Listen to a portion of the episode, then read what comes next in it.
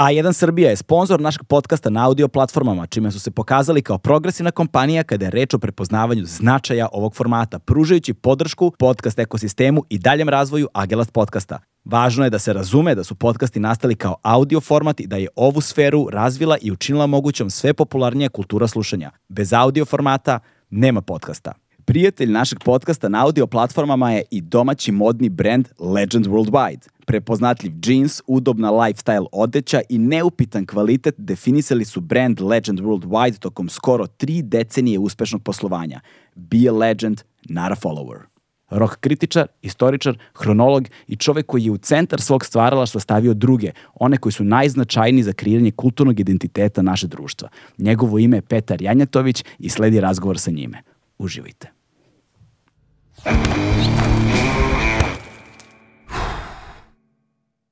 Hmm.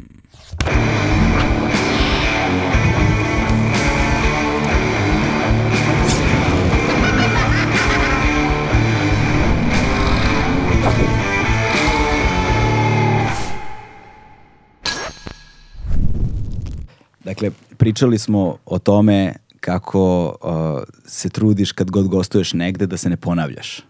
Pa trudim se, ali ne uspevam. baš. ali mislim da to nije ni toliko važno, iskreno. Zato što čini mi se da vrlo je mali broj ljudi koji će slušati svako tvoje gostovanje ili tvoje gostovanje uhvatiti prosto na više od jednog mesta gde si bio i odslušati ga u celosti. To je iz našeg ugla. Znam, ja imam to isto osjećanje. Osjećam da se ponavljam i onda nekada prestajem da dajem intervjue uh, jer prosto ne mogu čekaj, više. Čekaj da obnovim gradivo. Da, da, čekaj da se desi nešto novo, da. Bogu, znaš. Da. Ali onda se iznenadim uvek povratnom reakcijom kada shvatim da ljudi zapravo nisu videli ili čuli, nemoj pojma, iako si ti možda milion puta nešto ponovio. Pa dobro, ali opet, uh, uh, znaš, ne bih želeo da zvučim kao oni matorani koji gnjave sa trećom ofanzivom ili već mi na brdu, a on ovdje. Uh, A, a drugo, e, znaš, ja sam često i na tribinama, često i na mm. promocijama mm. na kojima se pričaju i anegdote i tako razne stvari života i onda se to nakupi i prosto gledam da ovaj e, da pamtim, što nije lako. Pa naravno da nije lako. Pa ja prvi ne mogu da upamtim. Mislim, ovde se, znaš, on, jedem hleba od toga što sam svake nedelje pred mikrofonom. U, da, da, da, da. I svaki intervju je po više sati. Znaš, To onoliko puta sam se ponovio, ali u jednom trenutku prosto odustaneš od toga da razmišljaš tim stvarima. Besmisleno je. Ja sam našao kao neki majušni izlaz, što veoma često sa bliskim osobama počinjem rečenicu, ne znam da li sam ti ovo već pričao. Ali to već onda počinje... I kad vidim smorenu facu, odmah prekinem. da. Ali to već počinje da zvuči na ono during the war. Znaš, pa da, da, pa to, to. to jeste. Po, ali pazi, ako to radiš sa članovima porodice, onda je to unapred propala stvar, oni su čuli sve priče. Da. Znaš da, ako im kažeš ne znao da si pričao kad jesi, pričao si ne priniš. puta. da, ali bez obzira, uh, fascinantno je to, evo sad pomenuli smo našeg dragog prijatelja i kolegu Bevca, ovaj, uh, i kaže i znate se dugo, znaš, ali ja te znam dugo, znaš, mislim, i prosto iz ovog ugla, kao neko koji je, pošto me, znaš, ono, prolazio sam kroz muzičke medije, i muzika je nešto čime sam fasciniran celog svog života, nešto što je strahovito uticalo na kreiranje sobstvenog identiteta. I neodvojiva je ono od mene u velikoj meri.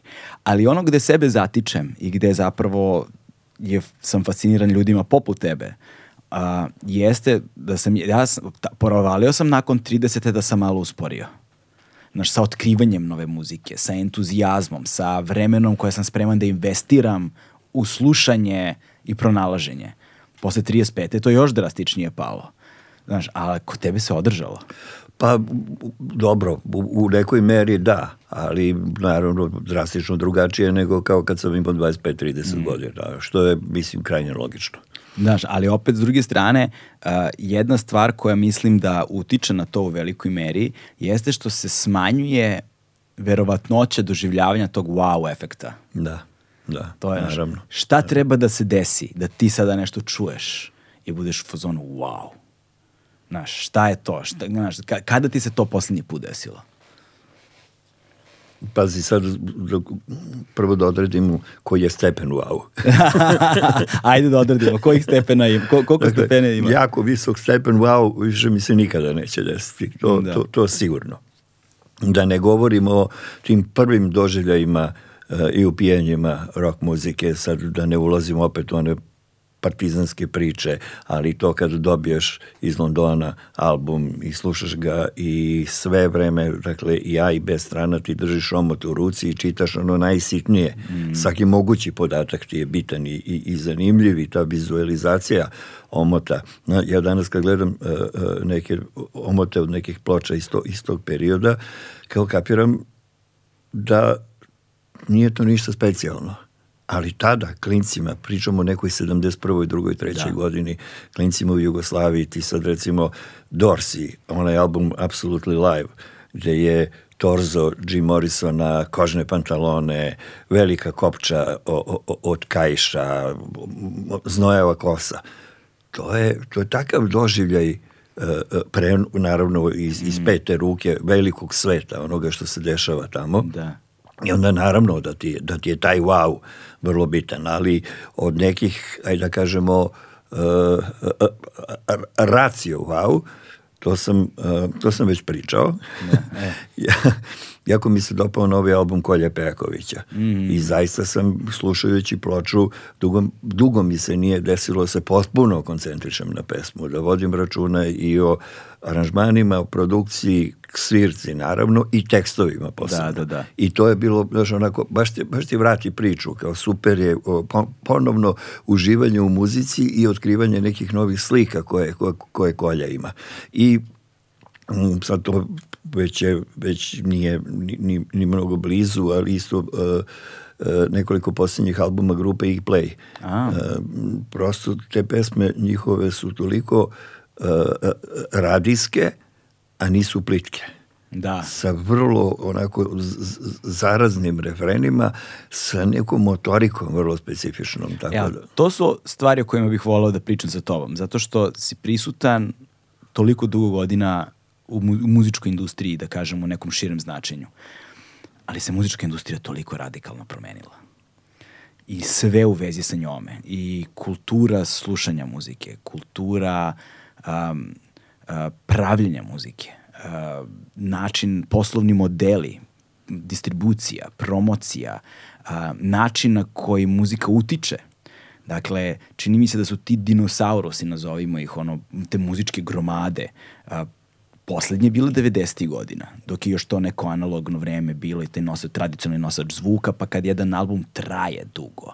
I kad je koncept albuma prosto bio. Ja bih negde rekao da su možda Oasisi među poslednjim pripadnicima te velike generacije, da su ono planetarne zvezde, ono, koje, koje, koje dugo traju na taj način. Mislim da toga toga praktično nema više danas. Nema, nema, nažalost. Jer meni, recimo, Nirvana je poslednji veliki bend, mm -hmm. ali sad naravno govorim i o onom sudu klub 27. Da, da, da. Dakle, kompletan značaj i uticaj Nirvane je puno obeležen samoubistvom Kurta Kuveina, ali naravno u pravu si. Pa dobro, kako da ti kažem, naša klasična muzika je osvojila bila celu Evropu od dvorova do do plepsa da. i onda su u jednom trenutku izduvala i nestala.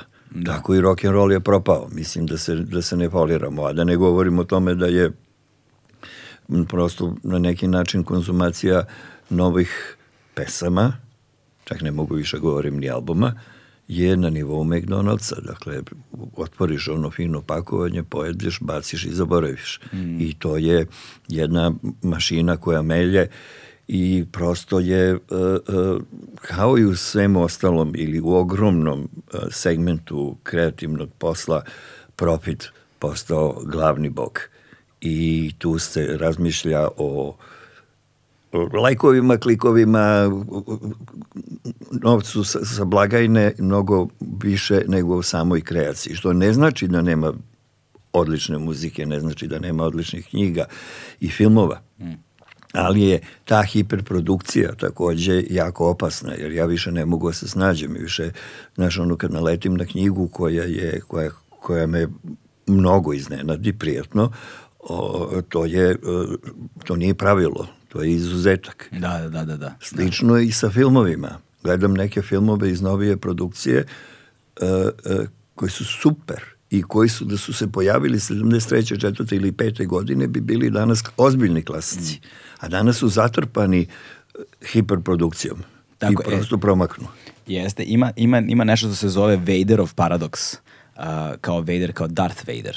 Vaderov paradoks, ne znam zašto se tako zove, zaboravio sam, ali je zanimljiv tekst, mogu ljudi da ga nađu online, uh, koji govori o tome da u ovoj inflaciji sadržaja, stičemo utisak kao kad odeš u restoran sa ogromnim jelovnikom. Ona a, paraliza od ponude. Nemaš pojma šta da izabereš i onda se posledično tome vraćaš onome što, klasičnom što pouzdano znaš Tako da je dobro. Je. Burger. da, ili neki pasulj. ono pasulj, to, to, to, znaš, kao sarmica od zelja. Znaš, da. e, tako, neka, tako neka stvar. I to se, nažalo, to sad nažalost ili na sreću, zavisi, ono, dešava i sa kulturom i mi sada vidimo u velikoj meri uh, uh, neo stilove koji su nam odavno poznati. Znači sve se vraća u krug, ponovo se pa, ponovo. Kao i u modi. Da. Znaš, ono, mini suknja, midi suknja, maxi suknja, pa mini da, suknja. Da, da, da. To, no, I samo se da bude sa nekim novim twistom tu i tamo, ali se veoma redko čuje nešto što bismo nazvali autentično originalnim novim zvukom. Teško je, da. izvini. Da. Mm. Tone i tone muzike su snimljene. Da. od, od, početka, od kraja 50. godina. Tako da zaista ti sad da napraviš pesmu koja je ili ljubavna ili angažovana ili govori o tvom, ne znam, nekome dragom ko ti umro, ti moraš mnogo da trljaš mozak da se ne bi ponavljao, da ne bi ulazio u klišeje. Da. I to je, zato i kažem, klasična muzika u svojim najboljim danima je proizvela dela koja su i dan danas veoma da. relevantna da. i onda su se samo istopila. Ali isto tako, se dešava i generacijsko zaboravljanje. I onda klinci otkrivaju nešto misleći da su oni to prvi uradili. To je, koliko si puta taj ciklus video? pa puno puta, s druge strane, to je uh, e, jedan, jedan od komplimenata koje ja dobijam za ovu Eurok enciklopediju. Jer srećem mlade ljude koji mi kažu da su, zahvaljujući toj knjizi, otkrili bendove za koje nisu znali ni da postoje. I sad naravno korisna stvar interneta je u tome što lako mogu da, ako hoće, ako su radoznali, da, mm. jel, da i, i, i i otkriju. Tako da prosto e, svima nam je potreban od, određeni vodič. E, to si dobro pomenuo zato što ja ovde ponavljam kao papagaj, e, eh, in, jer se sećam tog vremena kada se ono, kada je internet počeo da postaje stvar. Na. I u jednom trenutku ti kao sad odlaziš na ono search engine, dakle odlaziš na pretraživač, da li je to sad u to vreme i Yahoo i ono, Google se tek pojavio, ceo svet ti je na dlanu, ali ti treba da znaš šta da tražiš. Gde da ideš? Gde da ideš, šta da kucam? Znaš šta da kucam, šta me zanima, ne znam šta me zanima i to su bili trenuci kada ti postaje jasno, ok, pa meni zapravo treba nekakav urednik. Tako je. Treba neko Ili koji... savjetnik. Savetnik, da. Vodič. Da. Znaš, ja ću ti... Uh, Dakle, ja sam počeo da pišem o muzici negde 75. 6. godine. Ja sam prvi put otišao u London u leto 82. godine. Ja sam se osjećao kao Karl May. Toliko pišem o toj londonskoj sceni i klubovima, a nikad nisam bio. I kad sam ušao u grad, ja sam bio kao muva bez glave. Ne znam gde ću pre, hoću sve ono, da vidim, da uđem, da, da, da, da saznam jer sam se našao u prostoru gde su mi toponimi jako poznati, ali ih nikad nisam sreo. E, otprilike internet takav. Ti imaš mnogo toga u glavi, mnogo toga je nepoznato i sad ne znaš da je pre da kreneš. A da ne pričamo o tome koliko vremena može da se izgubi kad krene da te vuče internet nekom svojom, svojom pričom i ti ne znaš ne. Da. ni šta si počeo, šta si hteo da, da, da nađeš, tako da ovaj, koliko je to E, e, zavodljivo i, i, i zanimljivo, toliko je i opasno. Jeste, da, ali to si mi do sad dobro postavio. Gordon Kičić kada je bio ovde, pričali smo upravo da li smo pričali o podcastu ili smo nakon toga sedeli, razgovarali i onda smo pričali na, na pošto prvom iskustvu odlaska u Ameriku. I onda on kaže, si provalio, kaže, kad odeš, kad odeš u New York, znaš, sletiš prvi put, kao, i sletiš i dođeš tamo, fazon si, ali ja sve ovo znam. Da, da. Znaš, jer popularna kultura, film, muzika, spotovi, u mom slučaju su to bili skate videi, BMX videi, ono Brooklyn Banks koji više ne postoji da se vozile legendarni, ono, znaš, kao ti dolaziš tamo i sve ti je familijar, sve ti je poznato. Pa ja sam I...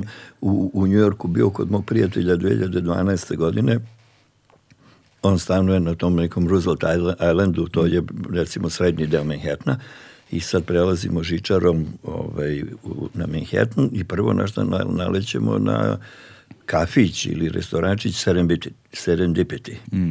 iz onog filma a, sad mi je stao mozak. Anyway, uh, ozbiljna turistička ponuda Njujorka je što te vode da ideš da gledaš mesta gde su snimljene neke ključne scene. Da, da Ljudi da, da, koji odlaze u Njujork samo zbog, zbog toga. toga. Tako da ovaj, popularna kultura je, jel da, popularna. Znaš šta je najbizarnija stvar koju sam video kada već govorimo o tim stvarima, takvim turama? A, bio sam sa koleginicom Majom, za, snimali smo, jel te, nešto po Americi i imali smo slobodan dan i zatekli smo se u LA-u.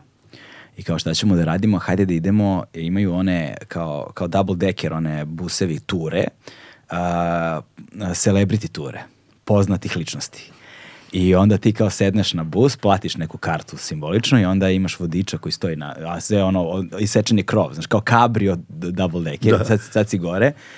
I ovaj, ima vodič kao sa mikrofonom, priča i ovde, vam, ovde živi, ne znam, Brad Pitt, ovde živi, ovaj, sad oni odlaze od kuće do kuće, autobus i staju ispred njihove kuće gde oni žive što je potpuno bizaran, bizaran moment, ali nije ni to poenta. Najbizarniji moment je bio gde, ti, gde zapravo uh, uh, oni prodaju, imaš mesto gde prodaju koordinate a, a, ono, gde se nalaze trenutno celebrity, recimo ručaju ili tako nešto. Daj. Da, da, da, da, da. Da li oni sad, sad ne znam kako to funkcioniše uopšte, da li oni imaju deal neki sa njima, nemam pojma, pa onda oni njima pošalju location kao ovde ručam i onda ljudi dolaze ispred ono, izloga restorana i fotkaju ih. Mm -hmm. Mislim, nisam video to, samo sam video da postoji kao ponudi i bio sam ono, ovo je potpuno nenormalno. Znaš. To mm. je kao što mene pre neku godinu zove moj drug Milenko Adamov i kaže ne mogu da verujem, sad mi je sestričina, na primer, poslala sliku i sad mi forwarduje tu sliku, a ono Julia Roberts koja doručkuje da. u Smokvici. Pošto ova mala radi kao kelnerica i kao stigla mušteri ona da je posluži i kao sedi Julia Roberts da, da, da. u objektu. Tad još mediji nisu provalili da je ona ovaj, tu u, A bila je nešto snimala pre pa, nje, Njen muž, čini mi se, nešto snima ili tako nešto, Aha, ali uglavnom okay, je bila okay, inkognito, ali žena izašla, bila je u onom Square Nine hotelu, da, da, da, da, ispustila se kralja Petra, kao vidi lepa baštica, ajde da se, ovaj, da se doručkuje. Da, da, reci.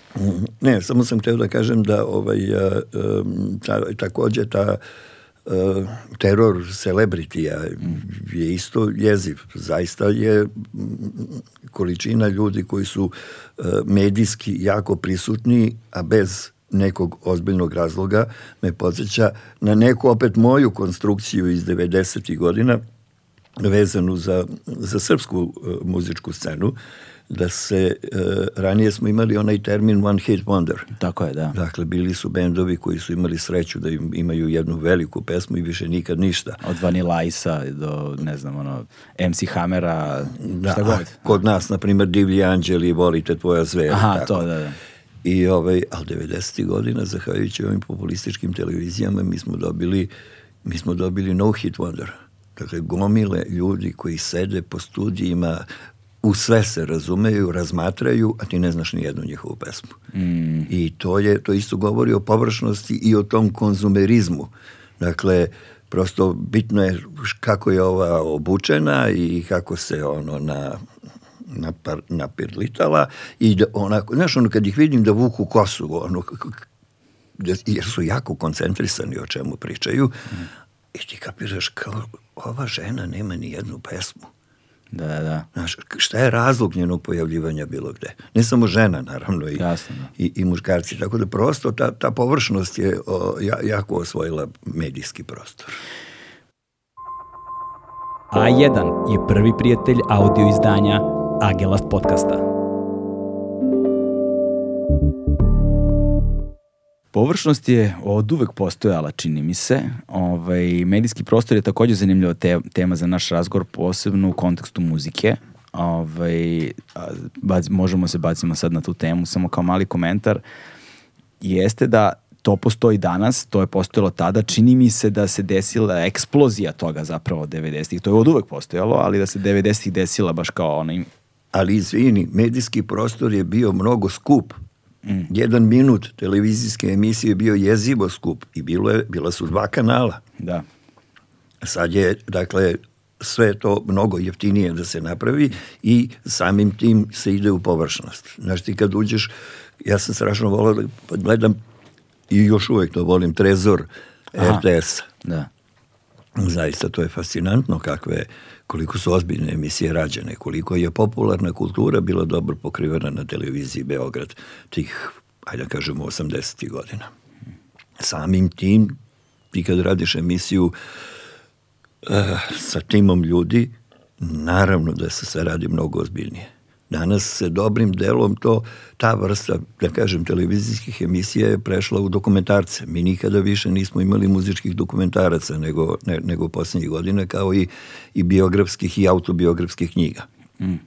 I to, to se radi ozbiljnije i, i, i temeljnije. Ali ovo, ovo svakodnevno, samo se troši. Ali kad govoriš o muzičkim dokumentarcima, o biografskim i autobiografskim knjigama, inače ja nisam fan biografskih, ja posebno ne autobiografskih knjiga, mislim da sam pročito jednu možda u životu. Ja ipak volim ako je ono, pardon, stručna literatura, ako je nešto, neki istorijski pregled enciklopedije, ali tako neku stvar, to volim, da jer suva informacija koja je prosto, ili s druge strane, uh, pro, ono, umetničko, knjižno umetnička dela, proza, poezija, šta god, ali nisam nikad bio ljubitelj biografija. Nekako ih nikad nisam smatrao relevantnim ni za šta, nemam pojma. Uvijek mi je to bio kao još jedan način da se zaradi novac. Ovaj, a ljudi ih nalaze fascinantnim i sad svakom svoje, naravno. Naravno, naravno. Ali, ovaj, um, ali kreiranje tih dokumentarnih filmova, sad i serijala dokumentarnih, to su sad fora, ono, ide četiri epizode, što je super, recimo ovi Beatlesi, ako si gledao Get Back, mislim, genijalno, ako mene pitaš. Ovaj, ali čini mi se da to nije slučaj sa nama. Ja ne znam koliko je dokumentarnih muzičkih filmova napravljeno u kod nas u poslednjih 15 godina. E, dakle, ja sad u dopunjenom izdanju enciklopedije dajem ispisak izbor mm -hmm. muzičkih dokumentaraca sa prostora bivše Jugoslavije. Ima ih jako mnogo. E, na, naravno, veoma različite teme.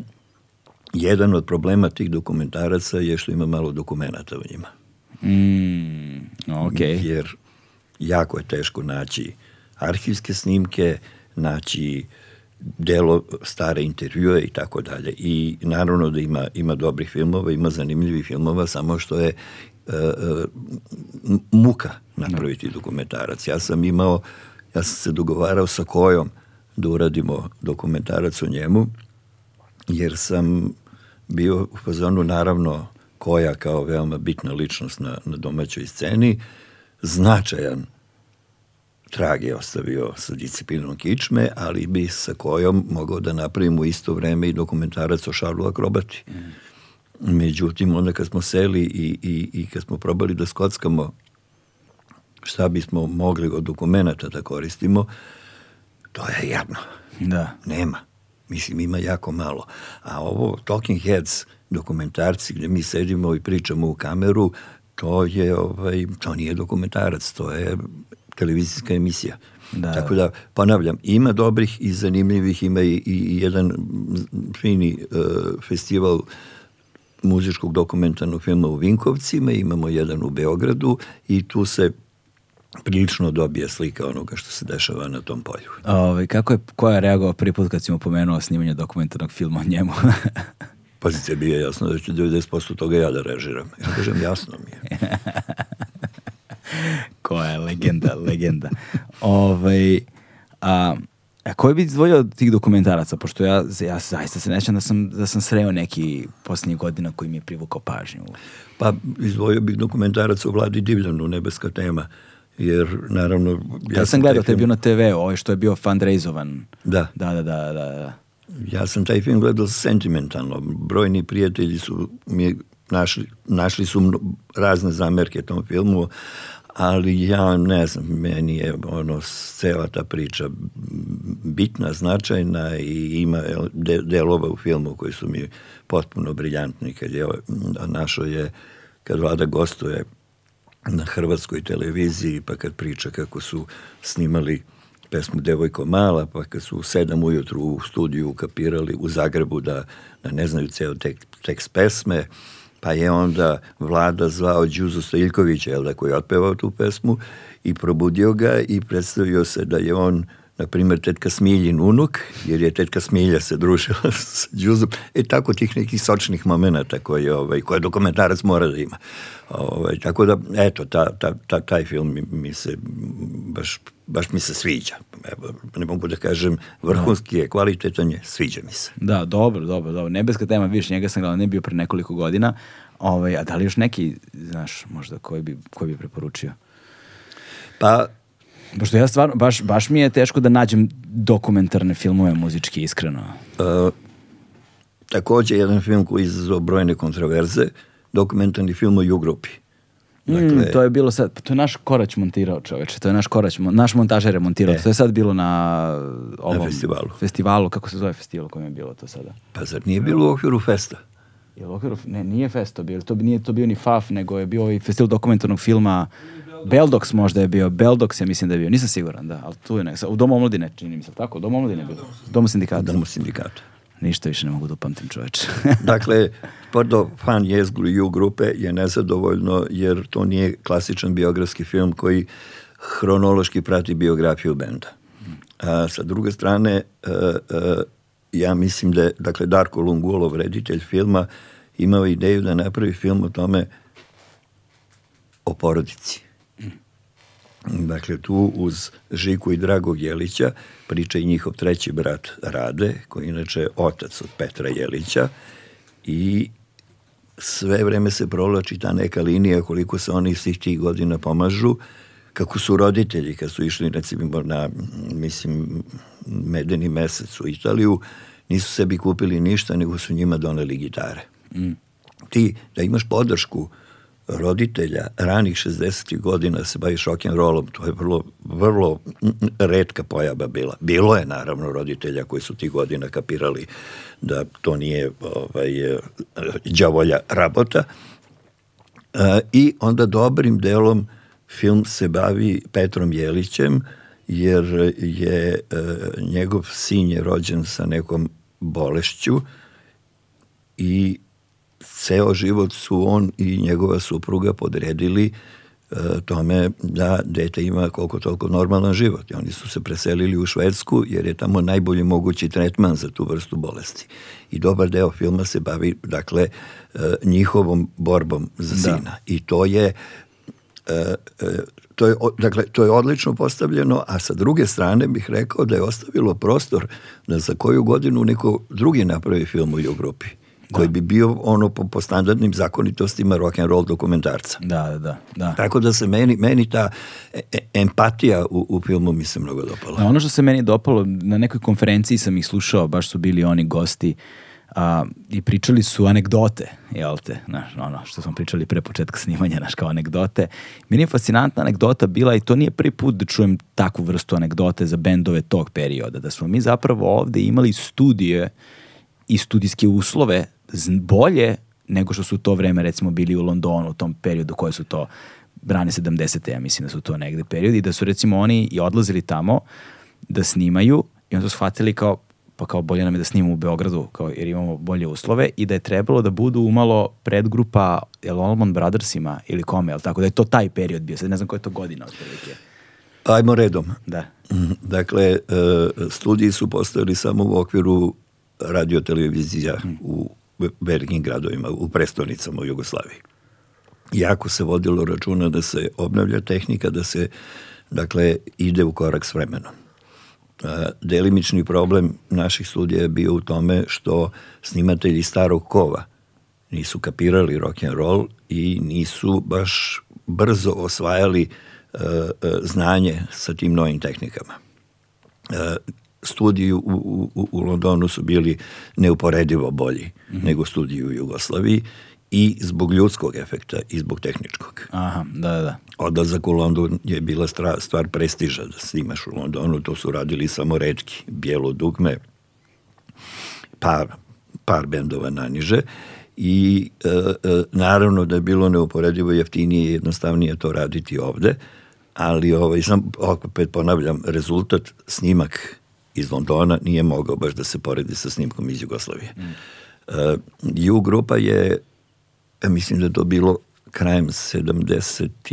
ili 3. godine, sa Pecom Popovićem su otišli u London da pred novu godinu kupe malo garderobu, malo neke uh, instrumente već, a pre toga su zakazali koncert u Hali Sportova, njihom tradicionalnom mestu, koji je bio rasprodat. I sad njihov prijatelj Vančo, koji je beogradski muzičar i 60. godina, koji žive u to vreme u Londonu i on je šio onu svetlucaru glitter garderobu za engleske rock and roll zvezde. Navodno se kod njega oblačio Santana, Mark Bolan i tako dalje. I Vančo je imao dobre kontakte i onda im je sredio da sviraju u tom čuvenom klubu Marki, koji je svetski poznat bio. I oni su krenuli da sviraju, na primer, malog medveda, drveni most, e, čudnu šumu i publika onako bila. Međutim, kad su krenuli s ovim pesmama koje imaju takozvane kosovske teme ili neki etno moment, onda su tu napravili ludilo totalno. Tu su bili ljudi iz CBS-a, diskografske kuće, koji su im odmah par dana posle toga zakazali snimanje u studiju da naprave demo snimke i onda su dobili ponudu da budu predgrupa na, evropsko, e, na engleskoj turneji Almond Brothers Band. Wow, da, da, da. I onda je Žika, kao najstariji Žika Jelić, rekao, ljudi, nas čeka naša publika. da, da, tako jeste, da, rekao, imamo bre turneju Jugoslavije, nemoj da nas zezaš. ne, ne, ne, ne turneju Jugoslavije, taj koncert. Oni nisu hteli da izdaju 4,5 hiljade ljudi koji su kupili kartu za prednovogodišnji koncert. A ja, za jedan u koncert? za da, jedan koncert. koncert jer je tada izgledalo da će takve stvari stalno se dešavaju, da, da će da. stalno imati takve ponude. Da, da, da. E, to, se, to nas vraća na početak razgovora negde, zato što sam u, u vezi sa time kako je sve drugačije bilo ono kada si govori, kako si posmatrao omot Dorsa. Um, jer da bismo razumeli taj trenutak u vremenu, mi moramo zapravo da razumemo pre svega i ono duh vremena. Moramo da se vratimo u okolnosti vremena u kojem se, kojem se to dešava. Uh, a, jer, je, jer smo i mi bili drugačiji kao društvo, značajno, a, do, nedostupnost stvari u to vreme je takođe činilo i, i, i ne znam da li se slažeš sa mnom, ali nešto u š, o čemu sve više razmišljam kako godine odlaze jeste nedostaje mi ponovo misterioznost. Magiju je imalo. Mag, da. Znaš, o, o, stric mog druga iz osnovne škole, gdje je radio u nekoj eksport-import firmi. Išao je često u London. I onda mi na papiriću mu napišemo šta od albuma da nam kupi. Da. Mi napišemo 15, on kupi 3.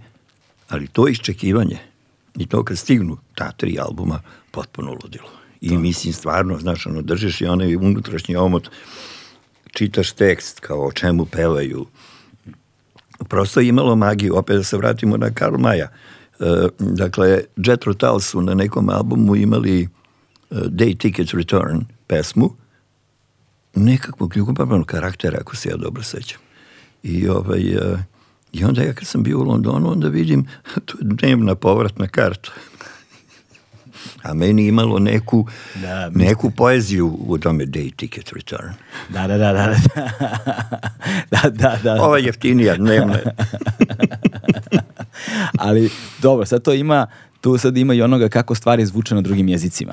Jer recimo, mi, sećam se da smo mi na fakultetu kada smo govorili to o značenju, znaš, ono, kao semantički potencijal, šta, znaš, da li u poeziji, da li ome, da ono. mi sad konkretno u poeziji se odlazilo čak toliko daleko da postoje određene teorije koje kažu da postoji određena vrsta značenja u slušanju koje možeš da doživiš isključivo ukoliko slušaš poeziju na jeziku koji ne poznaješ. Mm -hmm. Jer onda je potpuno napterećen kontekstom što svesnim, što podsvesnim. Da, i ti ulivaš svoje. Samo zvučanje čuješ, samo zvučanje, melodičnost, pevljivost jezika kao takvog. I čini mi se da u našim interpretacijama onoga što su nam donosili strani bendovi je zapravo u velikoj meri bilo to a pritom slušajući brojne priče ljudi koji su starije generacije iz industrije poput tebe i sličnih su mi govorili drugačije je bilo i poznavanje engleskog jezika. Naravno. Nije to isto što i danas. Ja sam na fakultetu kao izborni jezik imao italijanski, a ja sam inače fan uh, uh, italijanske muzičke scene 60. ih i 70. ih godina. I onda sam ozbiljno razočarenje doživeo kad sam počeo da otkrivam tekstove tih pesama, značenje. Mislim, neki su mi se naravno mnogo više dopali nego inače, ali gro toga je bilo onako pih, neki ono lagani ljubavni segment. Molim te, reci mi o italijanskoj muzičkoj sceni 60-ih, 70-ih godina o kojoj ne znam ništa. Šta je to što je toliko fascinantno? Mislim, pazi, ja imam recimo fascinacije određenim, određenoj muzici, recimo meni je muzika između 60-ih i 80-ih, recimo afrofunk, između 60-ih i 80-ih, posebno zapadne Afrike, ono, nešto, ludilo, znaš, i to nešto što, što sam počeo da otkrivam pre, nešto što je se u mojoj kući slušalo kad sam bio malecni, pa sam onda to potpuno zaboravio i sad ono, oko 40. godine sam počeo ponovo da otkrivam taj zvuk i kao da se fascinira njime beskreno. Ali u 60. i 70. godine itali Italiji stvarno ne znam ništa. Pa, e, nešto su, to je, dakle, takozvana kancona, uh, E, dobar deo toga se odbijao oko festivala San Remo, koji je bio veoma bitan za jugoslovensku publiku. To se pobožno gledalo. E, televizije su prenosile i e, u pitanju su jaki autori. Naš, recimo, Arsen Dedić je rastao pod, to je rastao, razvijao se pod uticajem te scene.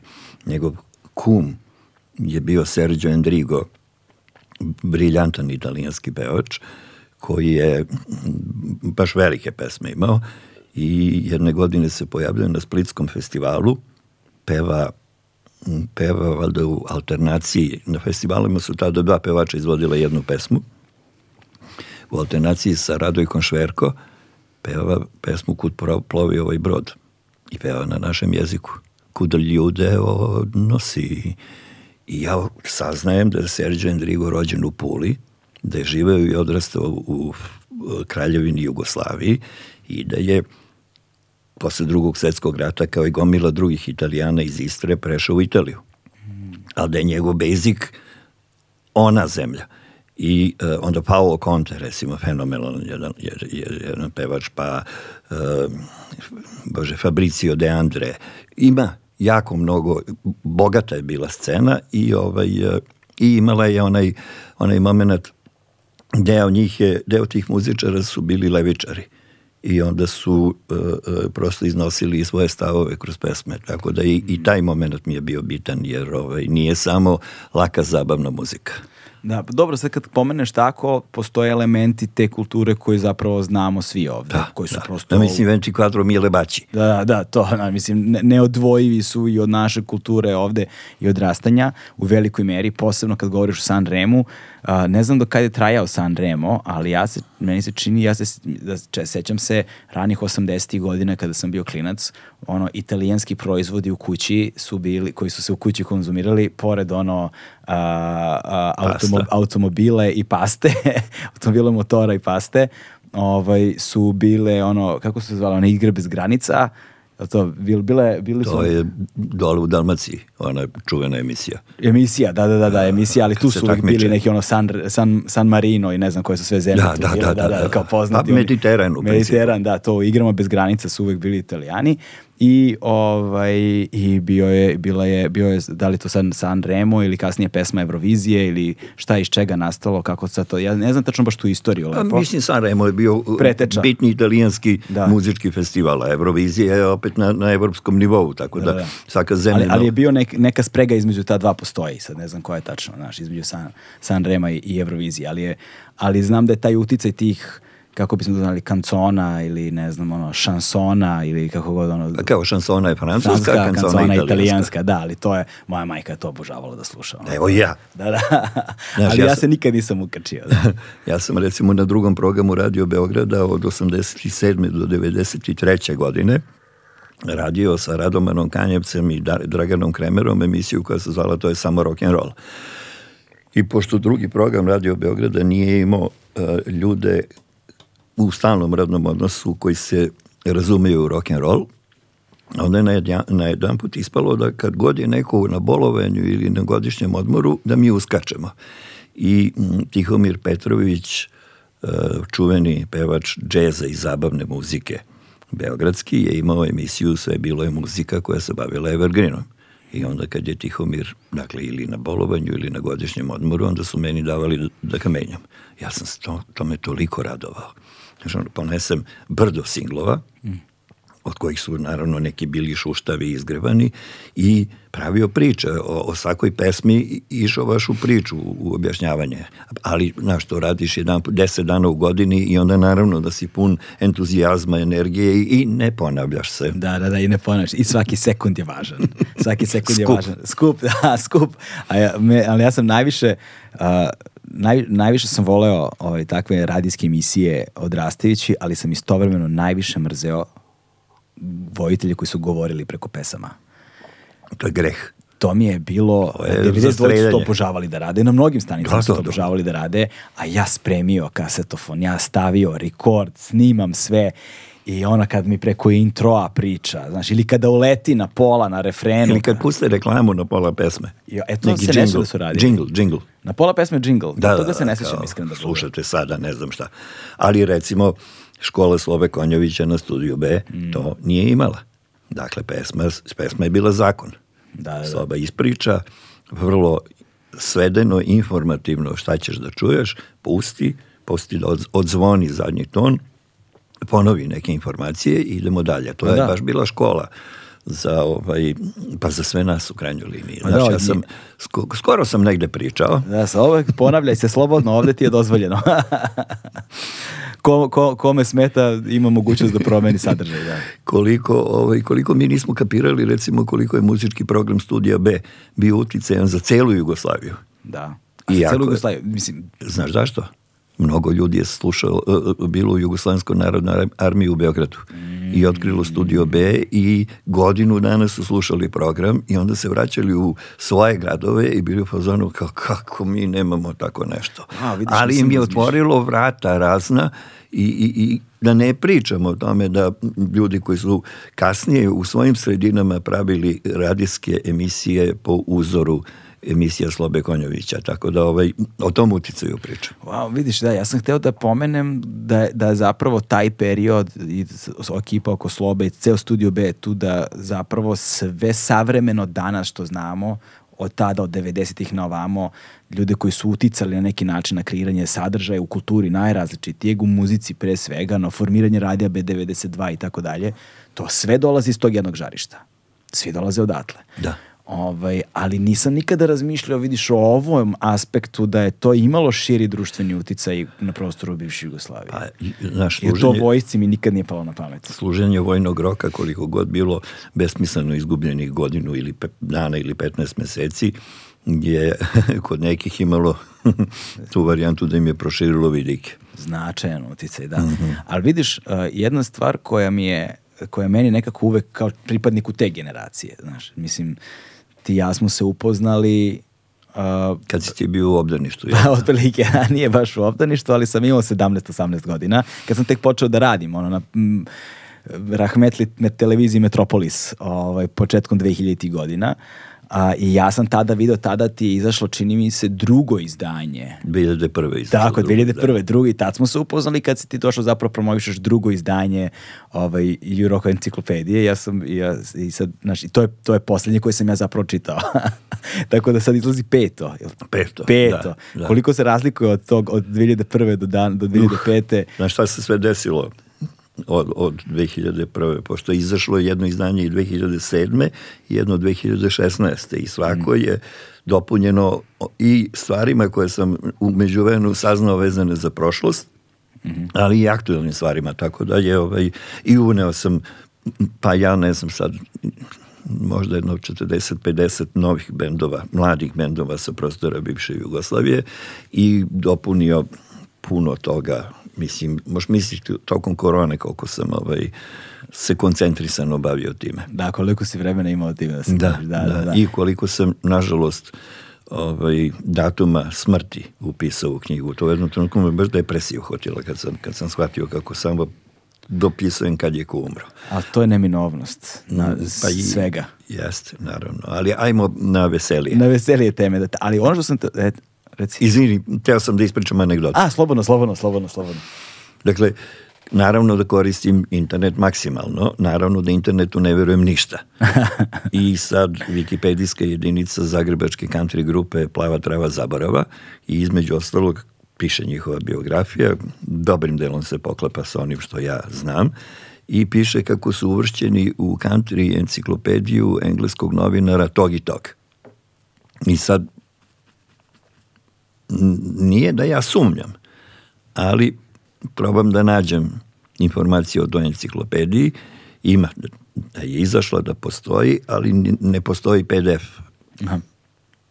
I ja nađem, uđem u sajt tog lika, koji je uh, onako slikan u nekoj idiličnoj prirodi u, negde u Engleskoj, u velikoj dnevnoj sobi, kamin, kuće, knjige, sve kao film, film iz 19. veka. I ispod piše, ja, e, e, ako hoćete da mi se obratite sa nekim pitanjem, molim bih vas da mi ne pišete apsolutno ništa vezano za country muziku i country enciklopediju, jer se više time ne bavim, ja sad izučavam, ne znam, nije ni važno, ptice. Ja mu napišem, ja se izvinjavam što ću da vam postavim pitanje vezano za country enciklopediju, ja sam taj i taj i našao sam informaciju da ste vi u vašu knjigu uvrstili zagrebačku country grupu Blue Grass of Oblivion, plava trava zaborava. I čovjek mi odgovara sljedećeg dana. Zdravo Petre, o, želim ti puno sreće u svom, tvom radu. Ja sam pogledao moju enciklopediju, njih tamo nema. Pogledao sam u svoje fajlove i svoju arhivu, nema ih ni tamo. Izgleda je kod njih ključna reč zaborav. A dobro, duhovit, cinični engles. Da, da, da, da, da, brutalno, brutalno, brutalno. Ja ne bih umeo da napišem takav mail, samo bih voleo da umem da napišem takav mail. to je, e, ali kada, kada, kada, kada sam video zapravo drugo izdanje ovaj, tvoje enciklopedije, tada sam tim ono klinac, koliko sam ja imao tada, 19 godina, uh, ovaj, 18, 19 godina, ne, manje, 2001. Koliko sam ja 2001. godine imao godina? 17? 17 da, godina, jo, bok te malo, nemam pojma na što. Ovaj, uh, ne bre, devet, ja, koje sam ja godište? Ja ne mogu da računam. Ja sam 82. godište, znači 19 godina sam imao, tako, 19 godina, bok te malo, ništa ne mogu da upamtim. Ovaj, niti da izračunam. Uh, uh, tad sam prvi put pomislio, čekaj pa, uopšte se ne govori o bendovima 90-ih to je tad i dugo bio slučaj u smislu u nekakvom istorijskom značaju. Znaš, da se ne govori, da se, da se ne, nekako su, nekako su ti... Misliš u mojoj knjizi? Ne u tvojoj knjizi, Aha. nego u, u društvu uopšte. Mm -hmm. Znači, kad god, kad god pričaš sa ono, kako bismo rekli, casualom, znaš, nekim kojem onako, uh, Govori se o zlatnim 80-im, govori se o... o pionirskim 60-im, o ne znam... Dosadnim 70-im. Tako je, tako je, o valu, o ovome, onome, naši svemu se govori, ali se zapravo ne posvećuje, nekak, ne daje nekakav pečat ozbiljnosti, nekakav pečat on, ne, ne znam kako bi ti objasnio, ali da me razumeš što ću ti kažem. Ne, ne govori se o tim bendovima koji su nastajali u tom haotičnom vremenu i u nekakvom efektu koji su oni značajno ostavili. Kao te 90. su bile užasne na mnogo različitih načina, ali čini me da su muzički bile strahovito plodne, ali da se tome nekako ne pridaje značaj. Ja sam, Ili prosto mora vreme veliko da prođe? Ne znam. Naravno da je trebalo vreme da prođe, ja mislim da je sad to revidirano na pravi način, ali opet ću ti odgovoriti anegdotom. Prošle jeseni sedim sa Žikom Jelićem iz Ju grupe, ćaskamo svemu i svačemu i kaže meni Žika, ne možeš ti meni da objasniš kako je moguće da su tih groznih 90. godina ti mladi bendovi uspeli da naprave karijeru i da prežive. I ja sad pozvanu kao Žiko, celo veče će nam trebati. Evo možemo i ovde, imamo još nekoliko sati. I pa nedelja posle toga mene Žika zove na žurku povodom njegovog 80. rođendana. I ja mu poklonim za rođendan knjigu e, Branka Golubovića Goluba izgužvane misli u kojoj on detaljno opisuje o tome kako jedan mali bend iz provincije, mali punk bend iz provincije koji je protiv Slobe Miloševića, kako je uspeo da napravi biografiju. I dajem Žiki poklon, on otvori i kaže, sad ćeš da me teraš da čitam. da, da. Pitao sam ga, je počeo da čita, rekao je da još nije. Da. Ali hoću da kažem, zaista i iz današnjeg ugla misterija kako su ti bendovi uspeli da, da prežive, ne da prežive, nego da naprave, ponavljam, ozbiljnu karijeru, herojski. I jako bitno, ja mislim da je tu jedan od ključnih pogonskih uh, materijala bio inač. Jeste. Ove, I bilo je nekoliko ljudi koji su tu mnogo učinili. Evo sad i pokojni Zlatko. Tako je. Je jako Još. puno, jako, jako puno radio. I drugi ljudi su tu bili, ali uh, Um, inače, pozdrav za Goluba, dogovaramo se Golub i ja. Desit će da se, doleti. Da doleti, da, bit će Golub i Galeb u razgovoru, desit će se taj podcast, samo da on ukači trenutak kada se bude vraćao, pošto ni on sam još uvijek ne zna kada će to da bude ovde, pa ćemo da snimimo epizodu. I, ovaj, i hvala ti na kontaktu. Ali... Um, čini mi se da nekoliko faktora je tu ključni bilo. Prosto ja sam dete te generacije, odnosno ti bendovi su nekoliko, nekoliko, nekoliko godina stariji od mene. Ja sam prosto bio klinac koji je u to vreme konzumirao tu kulturu. Kasnije, stasavao. Stasavao, tako je. Kasnije sam postajao klinac koji je bio deo te kulture. Ali sa tim bendovima koji su recimo, kažemo, ne, tu bih ja ubroj, ubrajao recimo Sunshine, na primer, uh, Prvi Gru, uh, Voodoo Popa i prvi, na primjer. Bilo je tu... Iceburn. ali Iceburn je već kasnije. malo kasnije, da, yes. malo kasnije. Ja sam već bio, manje tu sam bio, generacijski smo jako blizu. To su već bili moji drugari praktično. Ali, ali ono što su oni radili pre toga, ti bendovi koji su bili, bio je Kojo Timo, Deda i Diaz, svirao zapravo gitaru Deda i Diaz, bio je Bloodbath, Staća je tu bio, pa Alek i ekipa i taj metal koji je bio. To, to je već pre mene, ovaj, do čega se dosta teško dolazilo, ali ali to su već kraj 80-ih, početak 90-ih, ali tu je negde, znaš. Ovaj, to je imalo, bilo je prkosa, bilo je inata, bilo je besa. Bilo je besa i to je ono što mislim da je negde generacija komuniciralo sa mojom generacijom. Nama nek, s nama nekako taj, nazovimo ga zlatni period, kako god da ga vole da ga zovu, pre, jednostavno nije, nije poruka korespondirala sa stvarnošću koju smo živjeli. Tako je. I imali ono su... je bilo, svi imaš na ples a da. ovo je bilo svi marš u rat. Tako je, da, da. Dve planete. To, znači, kada se pojavila, recimo, ovaj, Robin Hood, na primjer, kada se pojavila grupa, pa su imali, znaš, ovako, naslov, da li osjećaš bes. Hmm. Takav naslov nije postojao 72. Znaš. E, ne, naravno. e, to, e, to hoću da kažem. I onda, a, a, muzika je bila uvek ogledalo društva u tom nekom pogledu. I to ono što je meni uvek smetalo kad ljudi kritikuju da su muzičari ti koji kvare našu decu. Znaš, mislim, znaš te priče, da, naravno, da, to mislim, naravno. glupost neviđena. E, a, a nekako da, ako išta treba da urade... Pazi, onda... izvini, da. neki da. muzičari kvare naše decu, ali pripadaju drugim žanrovima. A, a onda ih ne bismo nazvali muzičari. Pa dobro, Znaš, to je kao kad mi kažu, ja da, da, to je kao kad mi kažu ljudi, ovaj, ja mrzim novinare. Ne, ne, ne, ne mrziš ti novinare, nego one Ove. koji nazivaju sebe Tako, novinarima. Copy-paste ekipu. Ali nisu nužno Ili, novinari, znaš. Naravno. Ovaj, a, I, Prekinuo sam. Da, da, nema veze, ne, ne, ne, nisi mi prekinuo, to ja meandriram, znaš, ali to, uh, muzika, ako, ni, ako išta ogledalo društva, ako ti umeš da posmatraš muziku i muzičku subkulturu, kulturu, mainstream, pop, šta god, na pravi način, tebi će zapravo poslati jasne signale u kakvom društvu i kakvom okruženju živiš i ukoliko si roditelj, znaš, da treba da obratiš pažnje kada je tvoje dete u pitanju.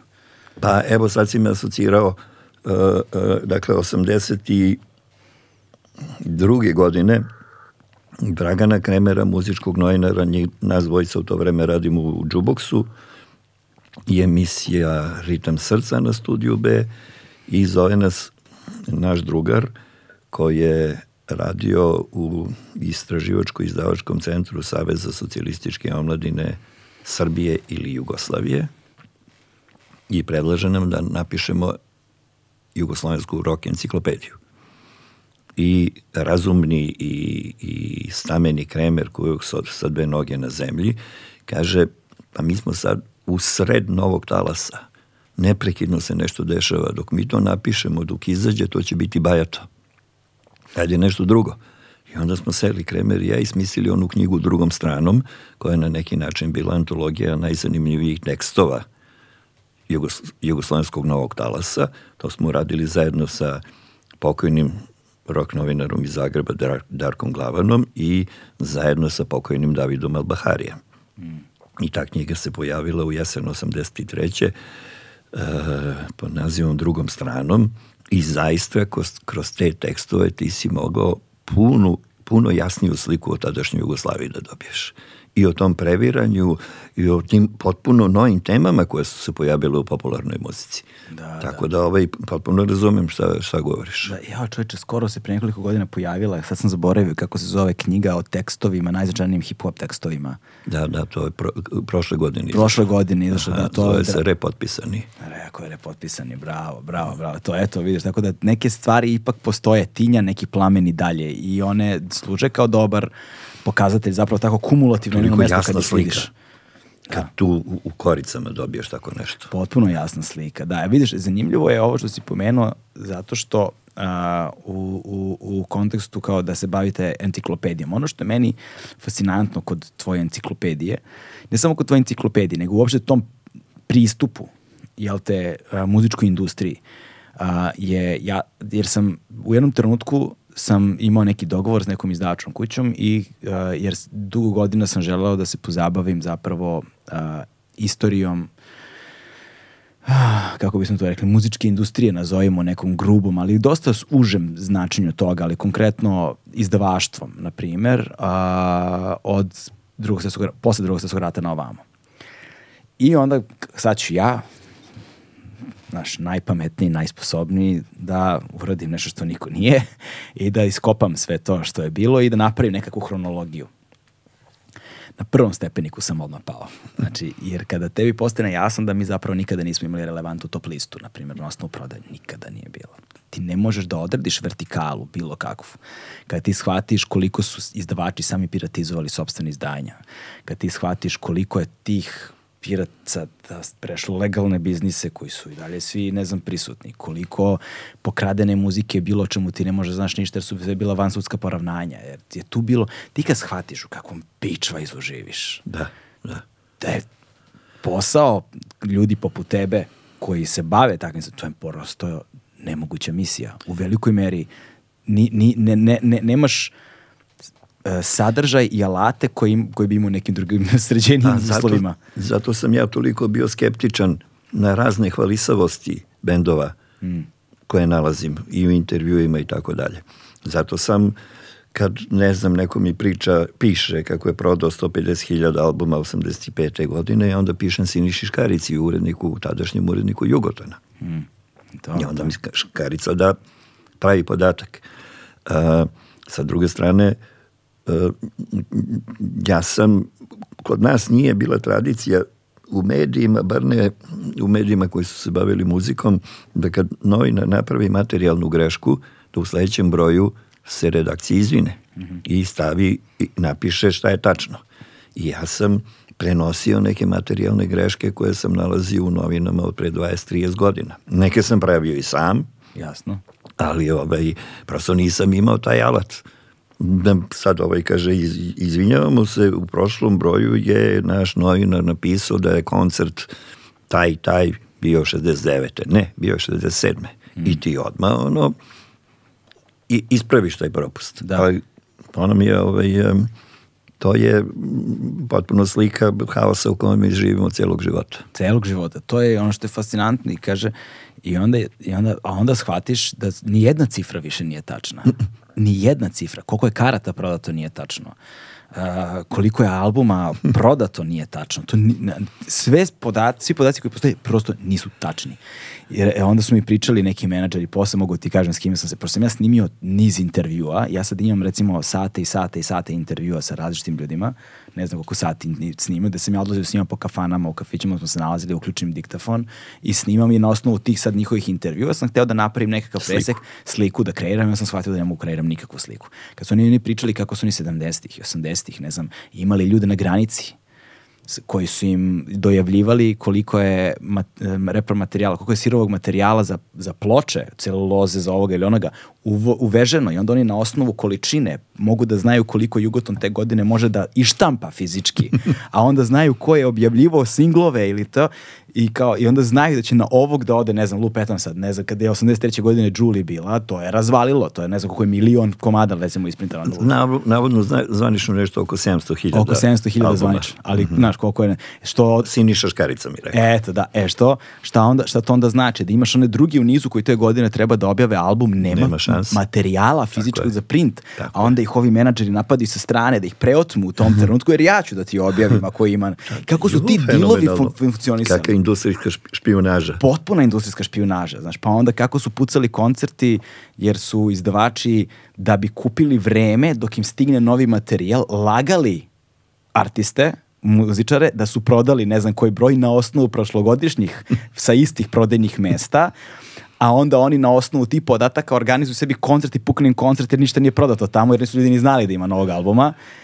Mislim, haos, totalni, totalni haos. Pa kako su se trgovački putnici talili za putne uh, ove naloge, za, zajedno su išli sa konkurencijom, dogovarali se, kako su plaćali ljudima radnjama, šta ide na izlog, šta da, ide da, na... Da, da. To je product placement. Ali ludilo, ali ti kad shvatiš da ni jedna od tih stvari nema nikakav pisani trag to je sve anegdotalno. To je sve na nivou rekla kaza. A dobro, možeš da napišeš alternativnu istoriju jugoslovenske muzičke industrije. Ali je isto tako zanimljivo i to, to je ono što, što me zan... kako je zapravo u, u, u jednopartijskom sistemu tog vremena koji je bio kakav je bio i moje svojih dobrih strana i moje svojih užasnih strana, jel te? Ovaj, nekako se taj džep kulture kreirao ovaj, i, i rađao se taj rock and roll koji se ispostavilo, ne samo rock and roll, možemo pričati posle tome šta je rock and roll danas, van stilsko tipoloških odrednica žanra. Šta je punk danas, isto tako možemo da govorimo i to me zanima iz tvog ugla. Ali kreirao se džep nečega gde smo zaista stvorili određenu kulturu koja odjekuje snažno i dan danas i neodvojiv je deo našeg društvenog identiteta, bez obzira na vreme u kojem je to nastalo. Ja sam, meni moram priznati, tih godina, negde 70-ih, 80-ih, nije bilo najjasnije kako je kako je rock and roll uspeo tako brzo da se pojavi u SFRJ. I onda sam u jednom trenutku, baš u vreme Novog talasa, bio u fazonu, vidio ako studentski kulturni centar je žarište Beogradske rock scene. Doma mladine Beograda takođe. To su ustanove koje finansira država. Uh, u Zagrebu Kulušić klub koji finansira država. E, omladinska štampa, čuveni polet zagrbački, omladinske novine u Beogradu, mladost, student, sve to finansira država. I sve to podržava rock'n'roll. I negde i posle kad sam pričao sa ljudima, izgleda da je bilo nekoliko mudrih ljudi u Savezu komunista koji su kapirali, koji su se bavili kulturom i koji su shvatili da je rock'n'roll roll jako dobra stvar za uh, animiranje omladine. Drugo, rock'n'roll je bio politički benigan, potpuno. Tek sa pankom i novim talasom su počele politički provokativne pesme. I negde sam davno napisao kako je na onom sivom partijskom sakovu taj badge jugoslovenskog rock'n'rolla bio jako bitan za naše predstavljanje u velikom svetu. Mm.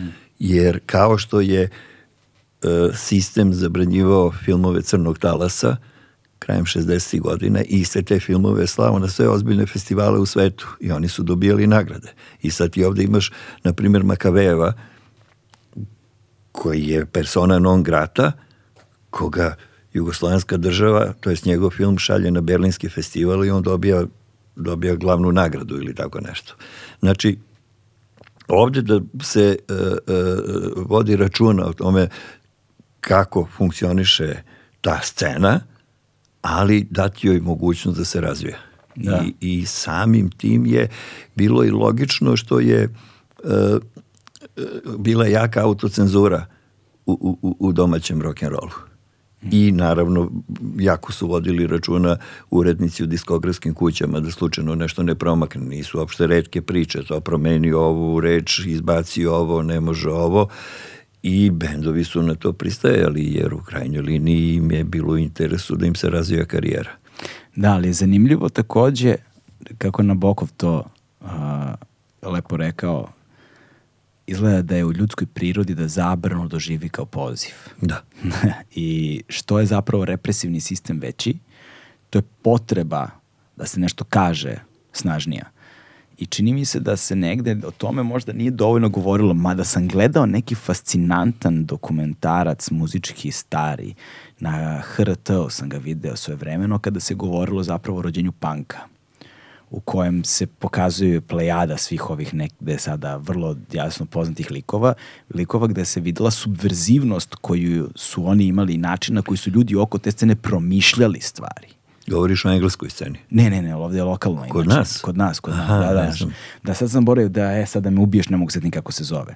Ali fascinantno bilo zapravo da slušaš ljude, ne, sam, ne, ne samo ja, muzičare koji su krili, nego aktere oko njih, njihove drugare. Da, to su znači, scena. Scene, to je ljudi, bila scena. Da, ljudi sa scene koji su zapravo vrlo dobro razumeli šta se dešava, na koji način se dešava, Ovaj, I koliko god ti ljudi danas, kada ih posmatraš, izgledaju iz jednog ugla ovako ili onako vreme je promenilo mnogi ljude, znaš, na, na različite strane, ali tada u tom trenutku, za mene kao klinca koji nimao pojma ništa o tome, posmatrajući, bio sam fasciniran koliko sam ja zapravo imao iluziju o tome šta mi danas znamo, koliko smo mi radikalni, koliko smo mi progresivni, koliko smo mi ovakvi ili onakvi, a ovi matorci pojma nemaju i to je sve zastaralo. Zapravo kada dobiješ kontekst društva i vremena, van sa, šire od samog zvuka, od same muzike, shvataš radikalnost njihovih postupaka, upravo u tom istom režimu.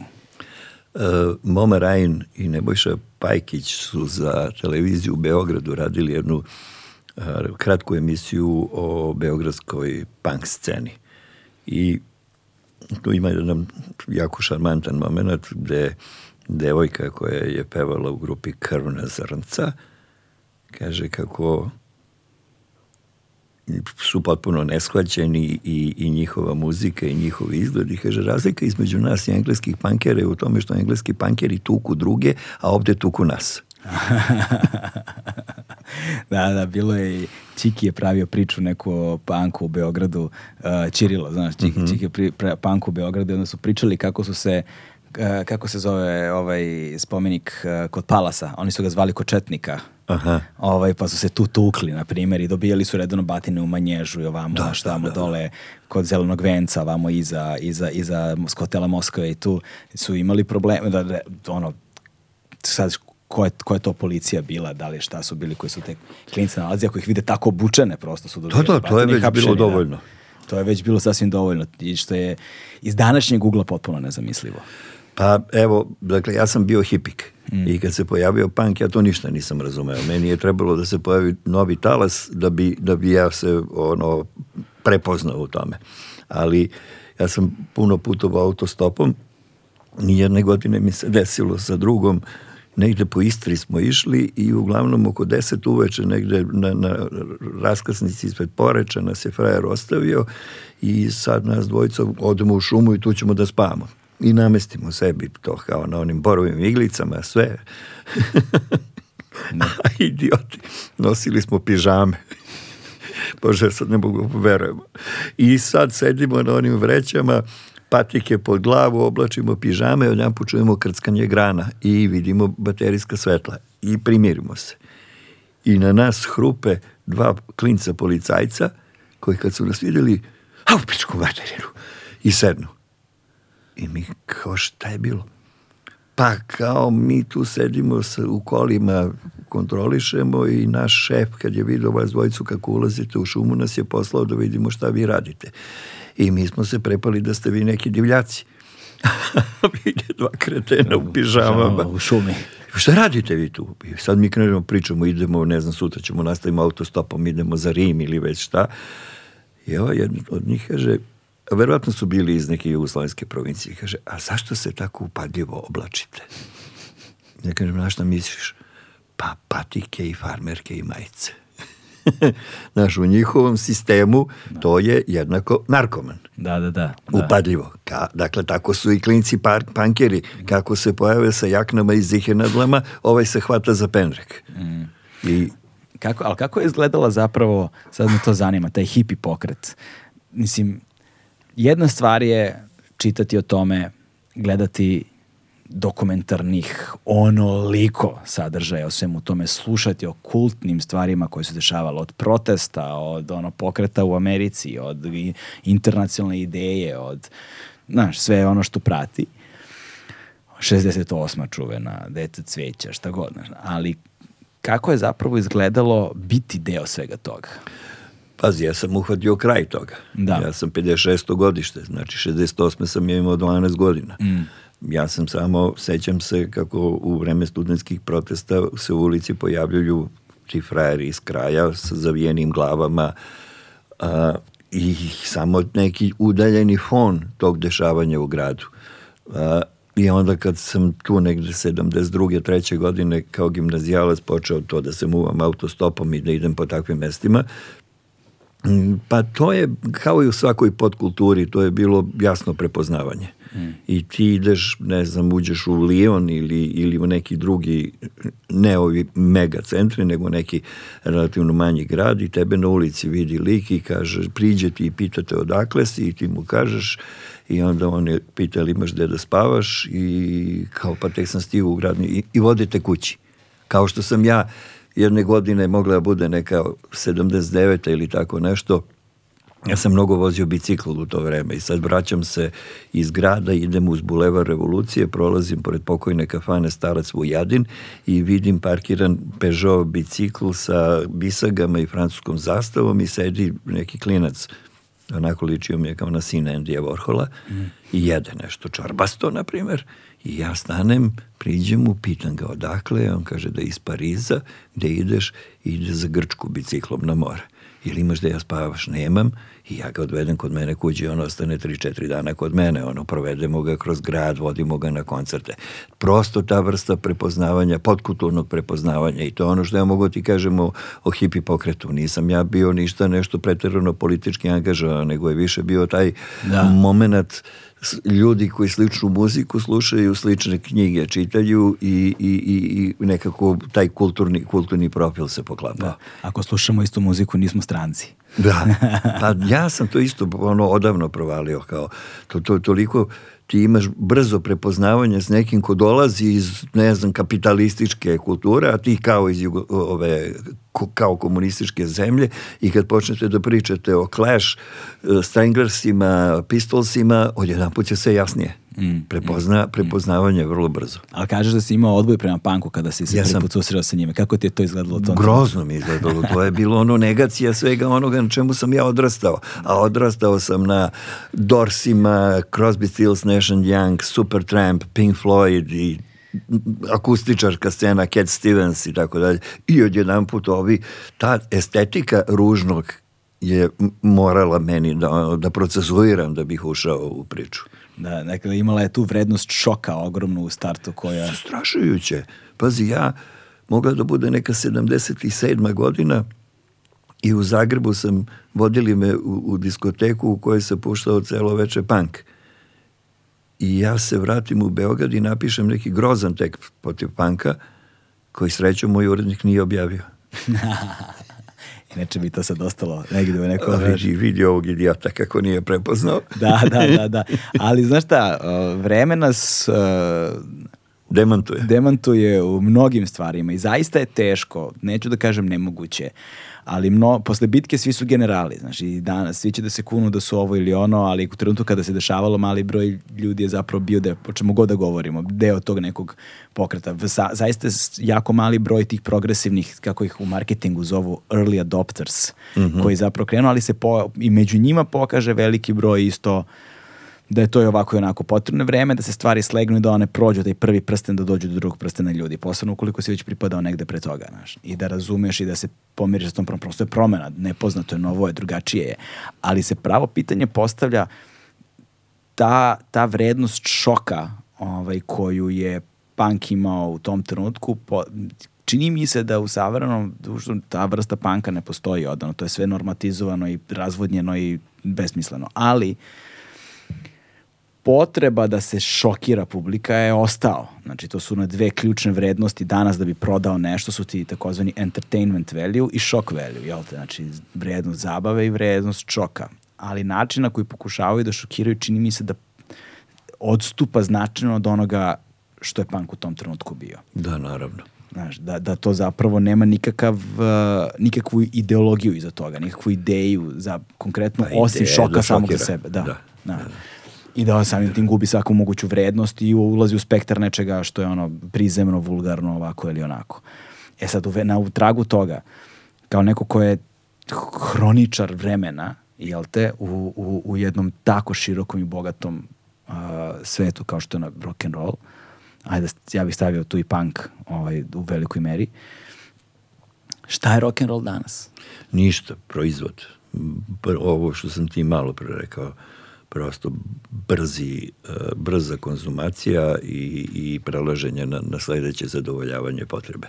Mm. Zaista, mislim da ono, kad se pojavio film kako je propao rock and roll krajem 80-ih godina koji su radili moji drugari, ja sam bio pozvano kao kako ste pretenciozni, ono, ako imate provokativnu rečenicu za naziv filma koja nije tačna. Da, da. Ispostavilo se da je tačna. Samo što su takođe oni uh, malo imali bržu viziju nego mi drugi. drugo, ja sam naravno kao neko ko, ko je odrastao na rock'n'rollu i ko je od njega u krajnjoj liniji živi, e, sve prosto pokušavao da, da ne vidim to. Kao što sam pokušavao da ne vidim da će se raspasti Jugoslavija. Da i bio uveren maltene do proleća 1991. godine da će to sve ili da bude kao Češko, Čehoslovačka pa se raziđemo svako svoj novčanik u džep i nastavimo da komuniciramo. E tako nisam, nisam hteo sebi da priznam da, da je rock'n'roll umro. I, ovaj, I to je opet izgleda potpuno prirodan put. Thank Sa tradicijom dugom skoro tri decenije, Legend Worldwide je prepoznatljiv domaći brend sa akcentom na jeans, pre svega, koji odlikuju bezvremenski, klasični modeli. Da, a što se panka tiče? Da nema ga odavno. Znaš, pank je jako brzo postao modni detalj. U tom smislu, da, to je ono što se mi zezamo, stalno kažemo, ovaj, Ramon Smajca u Zari košta hiljadu dinara, tako da, a e. Rolling Stones u H&M-u, znaš, tako da, e. toliko o tome. I tu se vraćamo ono što si malo prepominjao, prepoznavanje.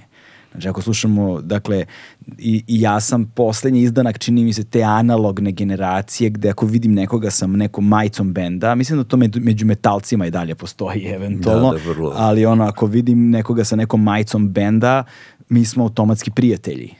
Iako se ne poznam, prvo ekstremno redko naći nekoga koja ima majicu ono, iz sfera muzike koju smo mi slušali u to vreme.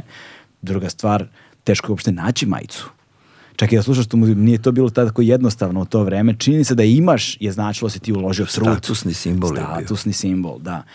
I Ambrozić je jako lepo govorio o tome o nekom, pre nekoliko godina u jednom tekstu u vremenu, za koji piše s vremena na vreme, kako su zapravo društvene mreže izmenile jednu ključnu stvar u, u tački identiteta koji nam je muzika davala. Uh, ono što su bili frontmeni bendova koji su komunicirali naše sisteme vrednosti, samim tim smo se kroz njih, taj sistem vrednosti, te bendove van muzike same identif identifikovali i prepoznavali. Društvene mreže su nam svima dale glas. Sad svako može da blip i online, čao, ne trebaš mi, nisi mi više potreban ti da mi kažeš da, da služiš kao megafon za ono što ja mislim. Mogu sad sam to da radim. I njihova uloga i kaže sa rođenjem ono društvenih mreža zapravo tih ranih 2000-ih je potpuno splasnula. splasnula i oni više nemaju tu vrednost.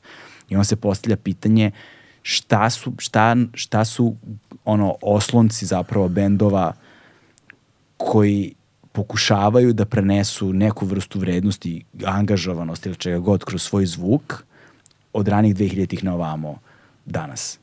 Pa ja bih rekao da je to ovo do it yourself scena. Uh, Mm. Dakle, ovi mali bendovi koji sviraju po, po klubovima, koji imaju taj, da kažemo, kombinaciju hippie punk, koji se strpaju u kombi, govorimo o svetskim bendovima, mislim o bendovima iz svih mogućih zemalja i koji ono, krenu na no budžet turneju i idu od grada do grada, naravno svi su povezani, znaju se i sviraju otprilike za, za dnevnice i, i, i hranu i pronose tu neku ideju da rock and roll nije jurnjava za profitom. Da. Ne znači da oni ne sanjaju neku ozbiljniju karijeru, ali su dovoljno posvećeni tome. Da. Znaš, meni je jako bio zanimljiv taj dokumentarni film koji mislim da se baš zove Do It Yourself, koji su neki holanđani radili o toj sceni i između ostalog su razgovarali i sa, sa Borisom iz, iz Repetitora. Mm i zahvaljujući to, tom filmu Boris, to je repetitor, su pozvani na neki festival u Kini i na neki festival u, u, u Moskvi. Da, sećam se, to je bilo prema 7 godina, 6-7 godina, prema, tako nešto je bilo, da, da, da. I ovaj, dakle, taj duh rock and rolla ili panka sa stavom čini mi se da postoji samo i u toj sceni to je, koja je potpuno ispod radara. Da. E sad, šta znači ispod radara u tom smislu? Znaš, da li je to tržišni parametar ili je kulturološki parametar? Kulturološki, naravno. Da. Znaš, i, I opet se vraćamo na ono kako kroz šumu interneta doći do ljudi kojima možeš da budeš zanimljiv. Da. Dakle, i to je ispod radara, jer su svi zagušeni informacijama. Onda, naž, e, e, nažalost, dakle, e, muzička kritika ne postoji više, mhm. umrla je. Ima bukvalno nas nekoliko koji još uvek pišemo i jedna od dobrih bitnih stvari za, za, za vezano za muzičku kritiku je bila ta što je ukazivao ljudima na nešto što autor, pisac misli da je dobro ili misli da ne valja. Mm. I takođe ima, imali smo tu neku ulogu vodiča, neko ko sugeriše. Mm. Ja sam relativno skoro postao član Facebooka i, i mnogo mi se sviđa kad Žikica Simić napiše impresije sa nekog koncerta na kome je bio ili nekog filma koje je gledao ili knjige koje je pročitao. Da, da. da. I meni je moj vodič Žikica Simić i dalje. Da, da, da. Tako. Žikica Simić, Skoča isto napiše često, da. Ja volim da poslušam i Mjehura u Bicu, on na Mixcloudu ima, sporadično objavljuje. Kad elektronska muzika, volim DJ Brku da poslušam i tako. Ima i dalje ljudi koje, ovaj, nisam dugo slušao Pajsora, Paju, koja je sa SKC, on ima tu emisiju Sunce, gde samo domaću scenu ono napravi na Mixcloudu, pa šibne aktivni. Ja sam bio na svim tim mailing listama. Ti, to je sad ponovo pa popularno, ti newsletteri. Aha. Ovaj, ja sam to obožavao da slušam zato što sam shvatio, baš ono što smo pričali negde na početku, u jednom trenutku izgubio sam korak i potrebna mi je osoba pa da. koja usisava sve to, pravi selekciju, filteriše i daje mi ono nedeljnu dozu onoga što misli da je kvalitetno na muzičkoj sceni. Kao što onih ranijih godina, ja mislim da to više ne postoji. Ti dođeš u Pariz, London, hmm ne znam, Stoholm, i prvo što uradiš, odeš u turističku agenciju i tražiš kulturni vodič za tu nedelju. Da, da. U Londonu je to bio time out i ono vidim sve svirke, filmove, pozorište i napraviš izbor. Da. E, naravno da postoje sajtovi koji, ovaj, ko, koji to danas rade, ali isto treba doći do njih i treba znati koji su pouzdani, zato što mm. ima šuma je ovog izražavanja, što si ti malo da, pre da, rekao, da, da, da, svi, svi da. su postali govornici generacije. Tako je, kada svi govore u glas, onda, im, onda se niko ne čuje. Se ne čuje. Niko se ne čuje, da. Ali, Imaš algo... izvini. izvini, samo sam se setio, e, to sam relativno skoro od Dragana Kremera čuo kako je neko izjavio liku iz kraja koji je jako aktivan na, na, na društvenim mrežama i rekao mu je, bre, pre interneta samo bi tvoja najbliža E, rodbina znala kakav si glupak. da, ima i toga. Jeste, ima i toga, ima i toga. Internet je u tim nekim aspektima razotkrio mnoge Boga ljude. Da. nudizam. Čuži sad kad si pomenuo Time Out magazin, jel se, jel se sećaš da je jedno kratko vreme Time Out postojao i ovde u Beogradu? Da, da. Da, ja sam pisao za nekoliko brojeva tom Time Outu s vremena. To su isto te neke rane 2000-te. Tako je. Znaš, i ovaj, ali vidiš, uh, pomenu si kritiku. A, to je jedan fenomen koji mi je fascinantan. I o, divimo, divio sam se i dan danas. Ima i ovaj John Doran, na primjer, njega volim da čitam sve na vreme i tako dalje. Kad ljudi koji pišu dobro o muzici ovaj, i um, pokušam da formulišem misao. Um, ono što je meni najfascinantnije kod muzičke kritike – kada je čitaš na tim razvijenim tržištima. Vidim da se brineš da me ne uvrediš. ne, ne, ne, neću da te, ne da te uvredim, nego, nego hoću da definišem ono što mislim da je jedan od problema ključnih ovde. A, jeste što je kri, muzička kritika bila iskrena u tom pogledu. Znači, ako nekom misli neš, da ne, album ne valja ili šta god da ne valja ili da je nešto ovako, prosto ne nužno da ne valja, ali to ono kritički osvrt na stvari, jel te, ovo su slabosti, ovo su mane, ovo su prednosti, ovo su vrline, jel tako? Uh, dopada mi se sloboda da to kažu.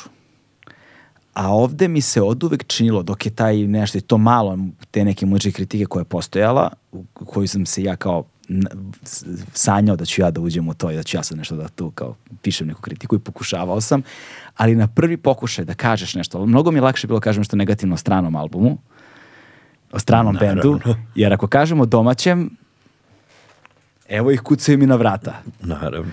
Znaš, naravno. i, i ta autocenzura u koju ti zapravo automatski upadaš, jer se plašiš šta će ko ti kaže, jer mi imamo tu neku, kako bi to rekao, plemenska organizovanja, negativne selekcije, ne znam, svi smo nekako, svi se znamo, Znaš, i sad, koliko si se ti sa time suočavao? Ma naravno da sam se Tako... suočavao. Ja sam imao situacije da kad neki, neki muzičari sa kojima si tokom godina ostvario kontakt viđamo se po žurkama, koncertima i tako dalje i onda snimi ploču koja je potpuno bez veze. Ja sam pribegavao varijanti da ignorišem, da to ne postoji. Da. Jer znam koliko smo svi sujetni, koliko smo svi uvredljivi kad neko da. procenjuje naš rad i kao bi u fazonu nek me ova čaša mimo iđe. Ali ja sam generalno uh, e, uh, e, volao mnogo više da pišem o muzici za koju mislim da je kvalitetna. Mm i da je na neki način promovišem, to, da, da, da prosto dođe do što više ljudi. A te negativne kritike sam pisao samo kad su kad je nešto mnogo loše. Da. I ovaj prosto ne možeš da oćutiš. Ili i, i u, u, u varijanti kada neko zaista emituje loše poruke, lošu energiju. Da. Znaš, da. ja sam pre neki dan pisao uh, imam kolumnu u slovenačkim jednim novinama koja se zove Razglednica iz prestolnice i onda sam, pošto pišem jedan put u šest nedelja, jer iz svake bivše Jugoslovenske republike imaju ponekog. I onda sam se bavio ovim fenomenom Dine Merlina. A, da. E, nisam ispratio. Vidim, video sam nešto sporadično da se opet nešto bune, pošto to bilo prošli put kad moj koncert bio ovde. I pretprošli put. I pretprošli put. 2011. Da. Neki prvi, prvi kad je bio, prvi put 2011. Tko da, to? Da. Tad sam video to u areni nešto bilo Pro... i, i sad vidim da se opet ponavlja ista stvar. Da. Okej. Okay. Ovaj, ali ajde da ti ispričam vic jedan. Ajde. Taj iz 2011. godine, dakle Dino Merlin je napravio fenomen, mislim da je prvi bio koji je prodao tri arene. Kasnije Zdravko Čolić napravio ovaj rekord koji još uvijek nije oboren, dakle šest arena je prodao, ali Vic glasi posle tih Merlinovih koncerata i pecaju u Srbiji i upecaju Zlatnog dinu Merline. On kaže, ako me pustite, ispunit ću vam tri arene. Sad ja volim naravno te da. viceve koji idu kontra mainstream mržnje. Da. Ali hoću da kažem, eh, i dakle za, za, za, za ovu slovenačku eh, novinu sam pisao o ovom ponovo kako je moguće 2023. godine. Te ljude niko ne tera da idu, da stoje u redu, da kupe kartu za Dinu Merlina. To što ja mislim o njegovoj muzici u ovom trenutku je potpuno nebitno. Da. I, ali sam čin zabranjivanja po sebi je pogrešan. Tako je, da. s jedne strane, opet čini ogromnu uslugu Dini Merlinu jer se sad svi mediji bave njim. Sad nema šanse da neko ko je možda moglo da promakne da će on da svira, a, a sklon je toj muzici da, da, ne, da ne reaguje, da ne ode. A, I kad je e, onaj gradonačelnik Pule prošlog proleća zabranio koncert e, Kebe, Ane Bekute i ne znam koga još, ja sam negde napisao kao da sam ja na mestu Dragana Kojića Kebe. Ja bih gradonačelniku poslao 100 evra. Da. I zahvalio mu se, jer o, svi mediji u bivšoj Jugoslaviji su pričali o tom događaju. Mm. Tako da, ovo što su si malo prespomenuo i te, i te zabrane i kontra, kontraefekat, i to, a drugo i rađaju inat. I, ovaj, a mi smo, jel da, kao što znamo, svi odrasli na inatu. Da, to jeste. I u ovom društvu sada, kada, su, kada je poverenje u medije najniže, ja mislim, od koliko mediji postoje praktično nepostojeće, potpunosti urušeno.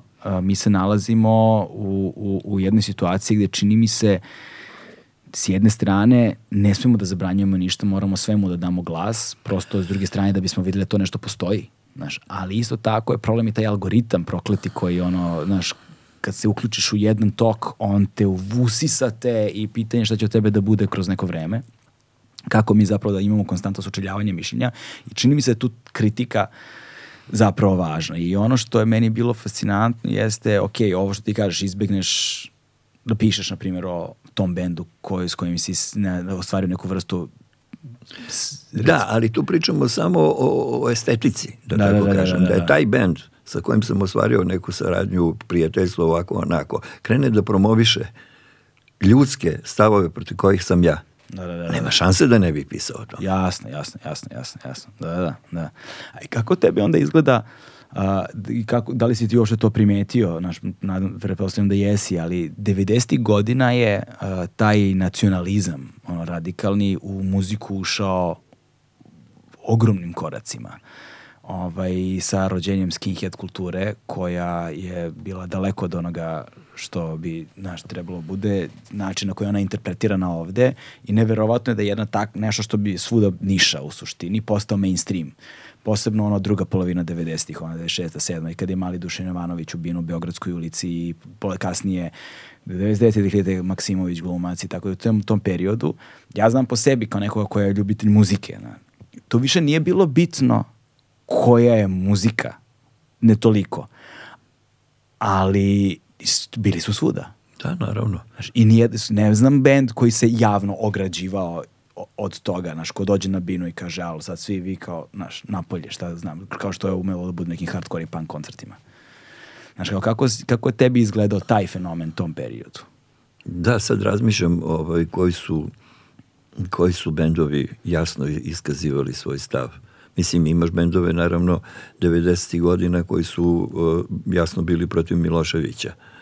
Ali ovaj... Mnogi su bili protiv Miloševića, da, to nije... Da, da, I vrlo to, eksplicitno. Vrlo eksplicitno, je tome, u tome su negde bili ujedinjeni i ovi i oni. Znaš, nije bilo baš pro Milošević bendova, to ne znam da li postoji jedan, ono, možda na estradi ovoj nekoj, na estradi, je to da, bilo, da, ali, ali da, dobro, to ne računamo. To ne računamo, to da. nije naš deo da priče. Pa ta količina dakle, kreiranja mržnje tokom 90. godina naravno da je, da je jako se brzo primila među mladima. I sad ako pričamo o onoj takozvanoj dizelaškoj kulturi, mm.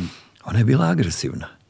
Ona je bila uh, uh, uh, za, za tu dečurliju koja je pokušavala da nađe svoj identitet svaki bend koji je makar po imidžu vukao malo na, na, na skin, punk, na, na nešto što, što bi moglo da bude desno na nešto što bi u određenim e, e, stihovima samo moglo da ima taj, taj efekat, je njima bio ono, klik za reagovanje. Ja ću ti ispričati događaj iz neke 94. 5. godine, na primjer, bio sam na nekoj promociji u toku dana, na primjer popio dva viskija, vozim, zaustavljaju me kod Kalenićeve pijace, uh, policajac, neki mlad, i ja se mislim, ja sad ako me treba da tera da duvam, ono, garant imam 0,6, a tad da. je smelo 0,5. Mislim da je dalje 0,5? 0,3. 0,3. I, ovaj, uh, I sad ja izlazim, on mi traži dokumenta, uzima, gleda mi ono ličnu kartu i vozačku.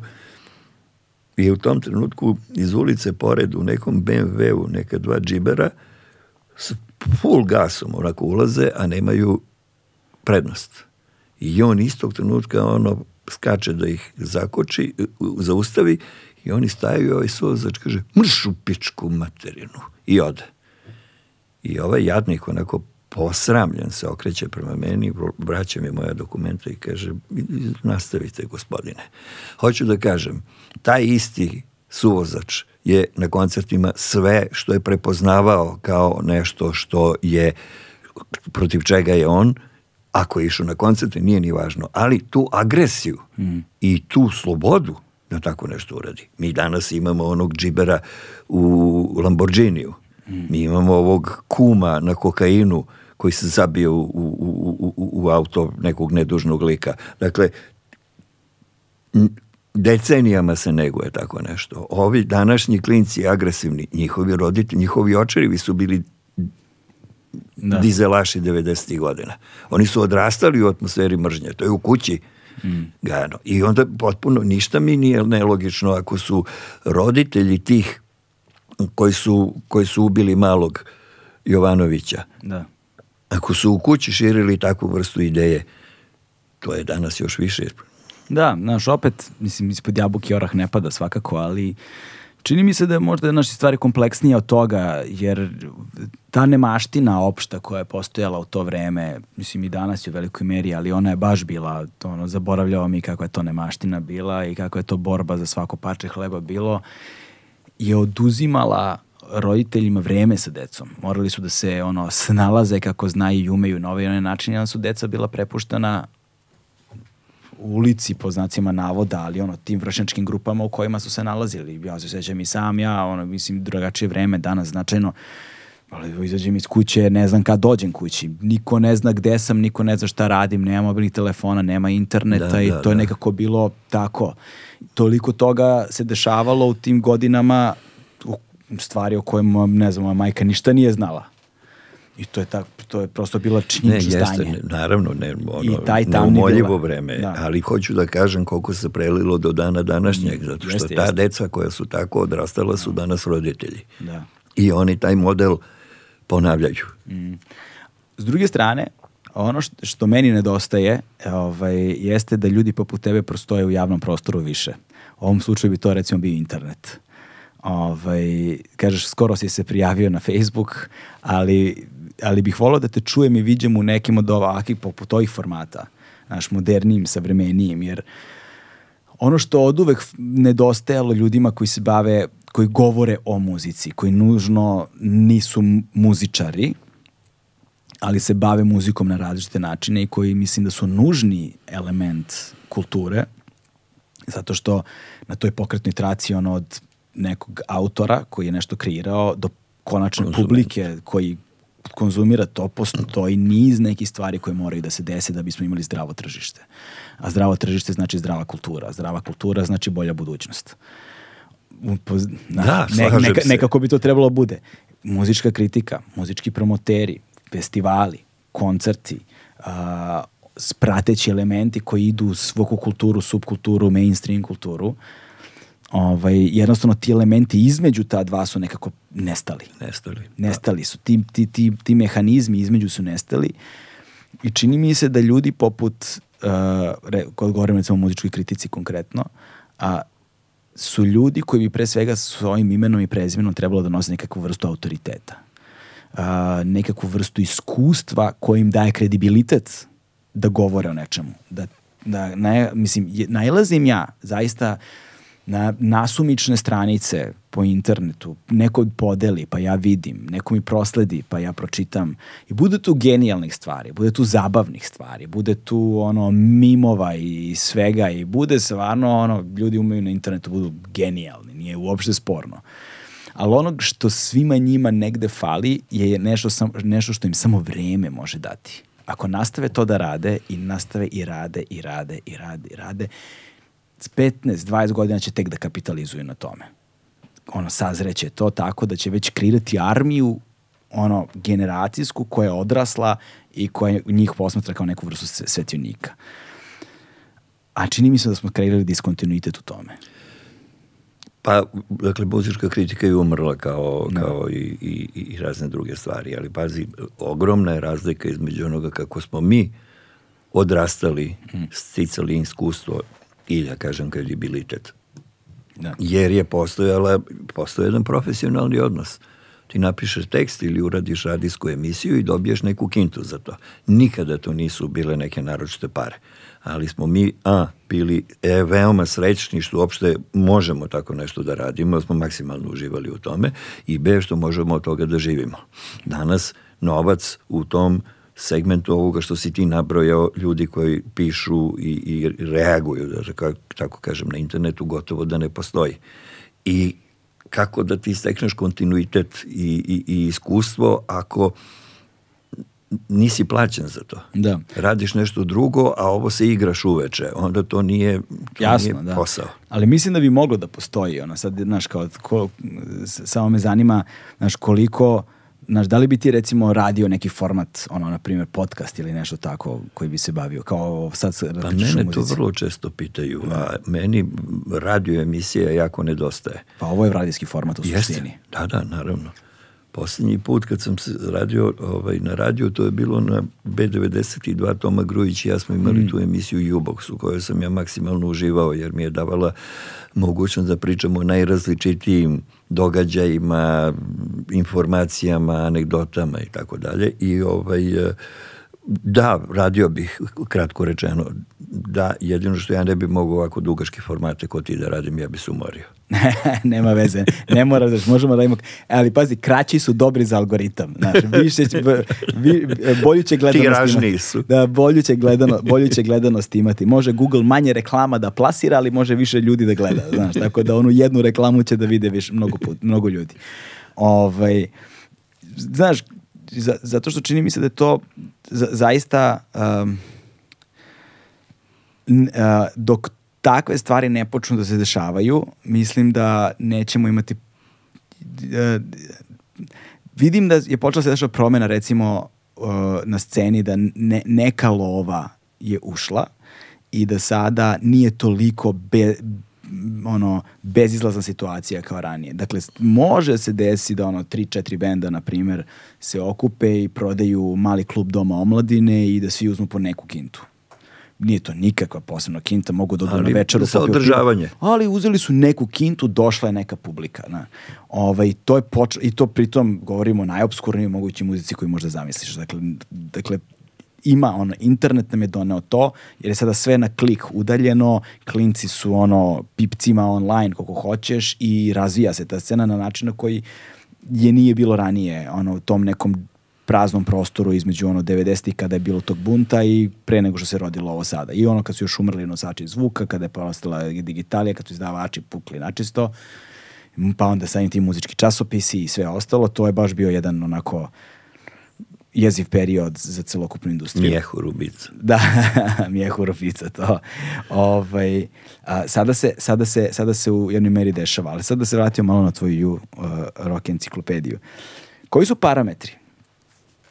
Misliš, po, kako sam odlučivao ko da bude u ko knjizi? Ko da bude ili ko da ne bude? I znam da si pričao i o tome da postoje neki bendovi koje više nisu u enciklopedija. Zanemarljivo. Zanemarljivo malo, ali kao šta je parametar? Šta su, je imaš neku spisak parametara? Pa, dakle, ja, naravno da mi je bilo veoma teško kad sam krenuo da pravim knjigu e, da odredim e, kriterijum. I negde sam se držao toga da band mora da ima znanje. Mm -hmm. Makar jedan single. Ali, bendovi iz ranih 60. godina, kad je bilo veoma teško doći do tog jednog singla, imam bendove dakle, koji ništa nisu objavili, na primjer grupa Dinamit iz Osijeka u kojoj je bio Dado Topić i Josip Boček i Kićo Slabinac i oni su neki od, od ključnih bendova tog, tog perioda. Dakle, taj kriterijum nije važio za rane 60. Pored izdanja, bilo mi je bitno da je taj bend u momentu aktivnog delovanja medijski bio primećen, da je postojao bukvalno ono i na radiju i, i, i, i u novinama.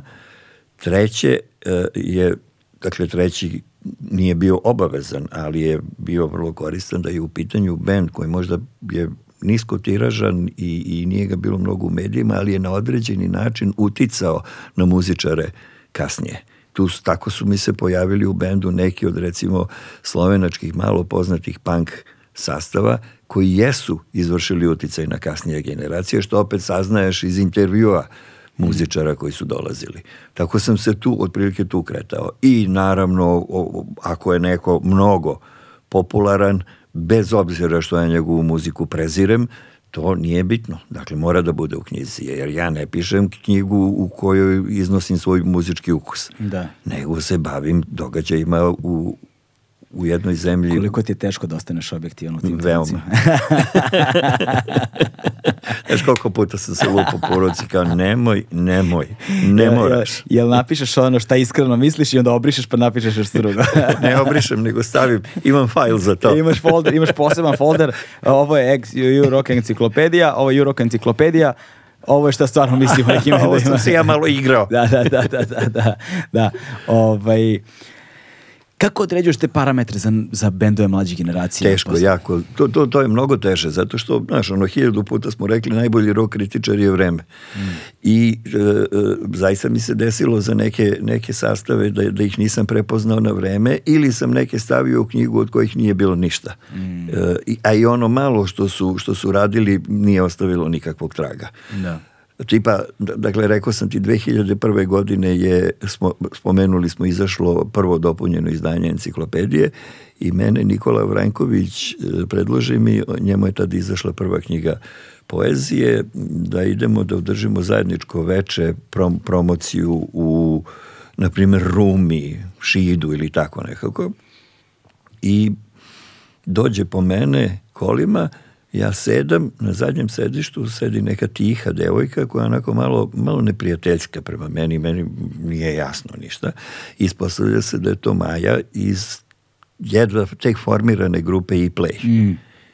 I kasnije su oni počeli polako da razvijaju karijeru i mene zove neki urednik nekog e, koncertnog programa iz Zagrebačkog kluba da mu predložim neki bend iz Srbije neafirmisan da sviraju tamo, ja predložim i play, jer su mi se dopali. Dakle, ponavljam, njih u knjizi 2001. godine nema, nema grupe i play.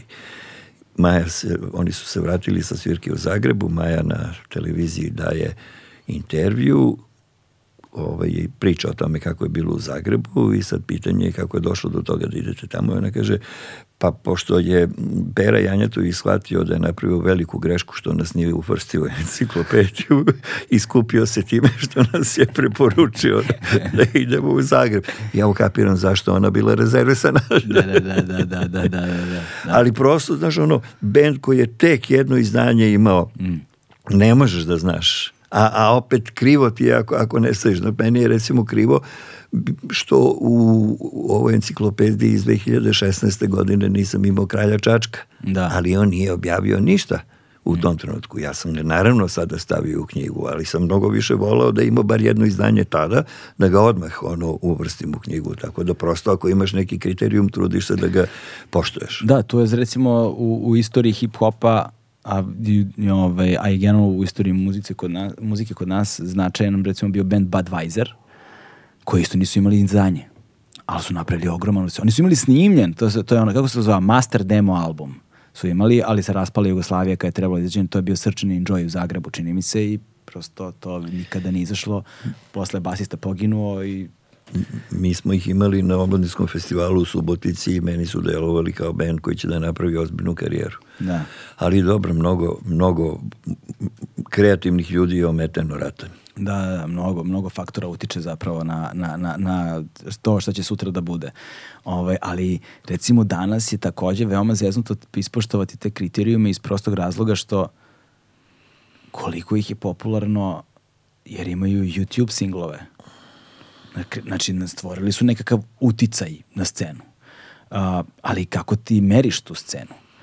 Recimo, zanimljivo mi je da pre nekoliko godina kada sam uh, se bavio jedn, jedn, u, u toku ovog istraživanja sam istraži, pokušavao da, da, da svrstam negde ove nove uh, muzičke uh, formate, odnosno platforme za slušanje ili šta god, u nekako da ih pakujem u ono što su bili nekada klasični nosači zvuka. I imao sam strahovit problem. Pa da, i ja strahovit problem. Ja sam video da je Billboard počeo da uvrštava, koliko beše, 1500 pregleda kao jedan prodati album ili tako nešto. Jel da? Drake mm. je bio prvi muzičar koji je zapravo ušao na top listu zahvaljujući streamovima. Bez fizičkog izdanja. Bez fizičkog izdanja. Čini mi se, možda grešim, Dobro, ali, ali, mislim da sam u pravu i da je o tome recimo Enemy pisao, Rolling Stone pisao, pisali su o tom fenomenu i onda, su, i onda sam tad prvi put video parametar kao neki, aha, 1500 pregleda, jedan prodati album. Mm. Znaš, i sad, i da on osnovu toga, onda kad računaš preglede, ode on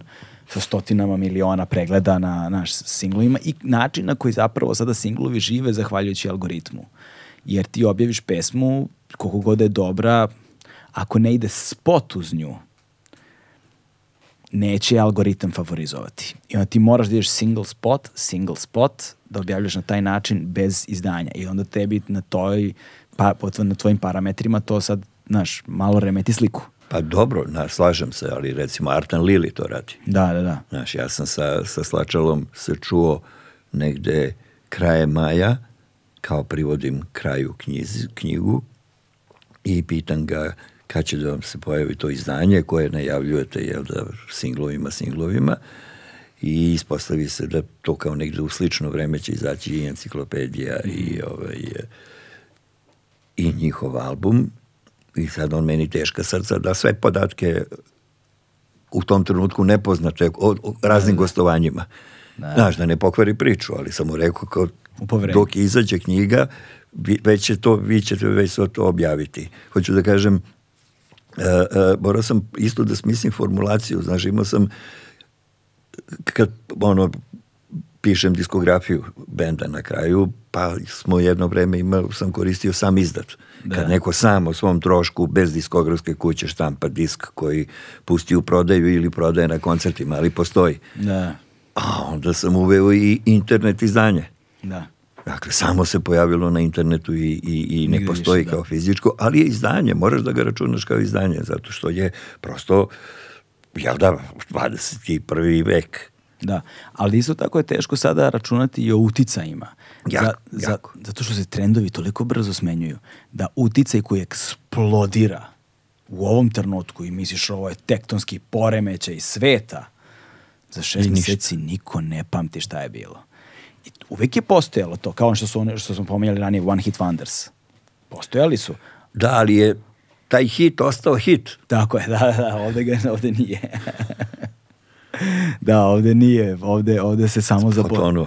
Da, da. Oblivion. Da, da, totalno. Da, kako se zove? Bluegrass Oblivion. E, uh, ovaj, e, i, i kako, znaš, a onda, se, a onda se tu oslanja još jedan faktor koji si pominjao uh, da li sa, sa, kime si, sa kime ste hteli da pišete enciklopediju, pa su ti rekli u ovom trenutku se puno stvari dešava dok mi napišemo, bit će zastavljeno. Nudili su meni i Kremeru, Kremeru a da. Kremer je to zaključio. To zaključio. 80 i koje? Prve. 81 kako se, šta bi 81. rekla za današnje vreme? Bilo bi jako zbunjena, kao što sam i ja zbunjen. da, da, da, to.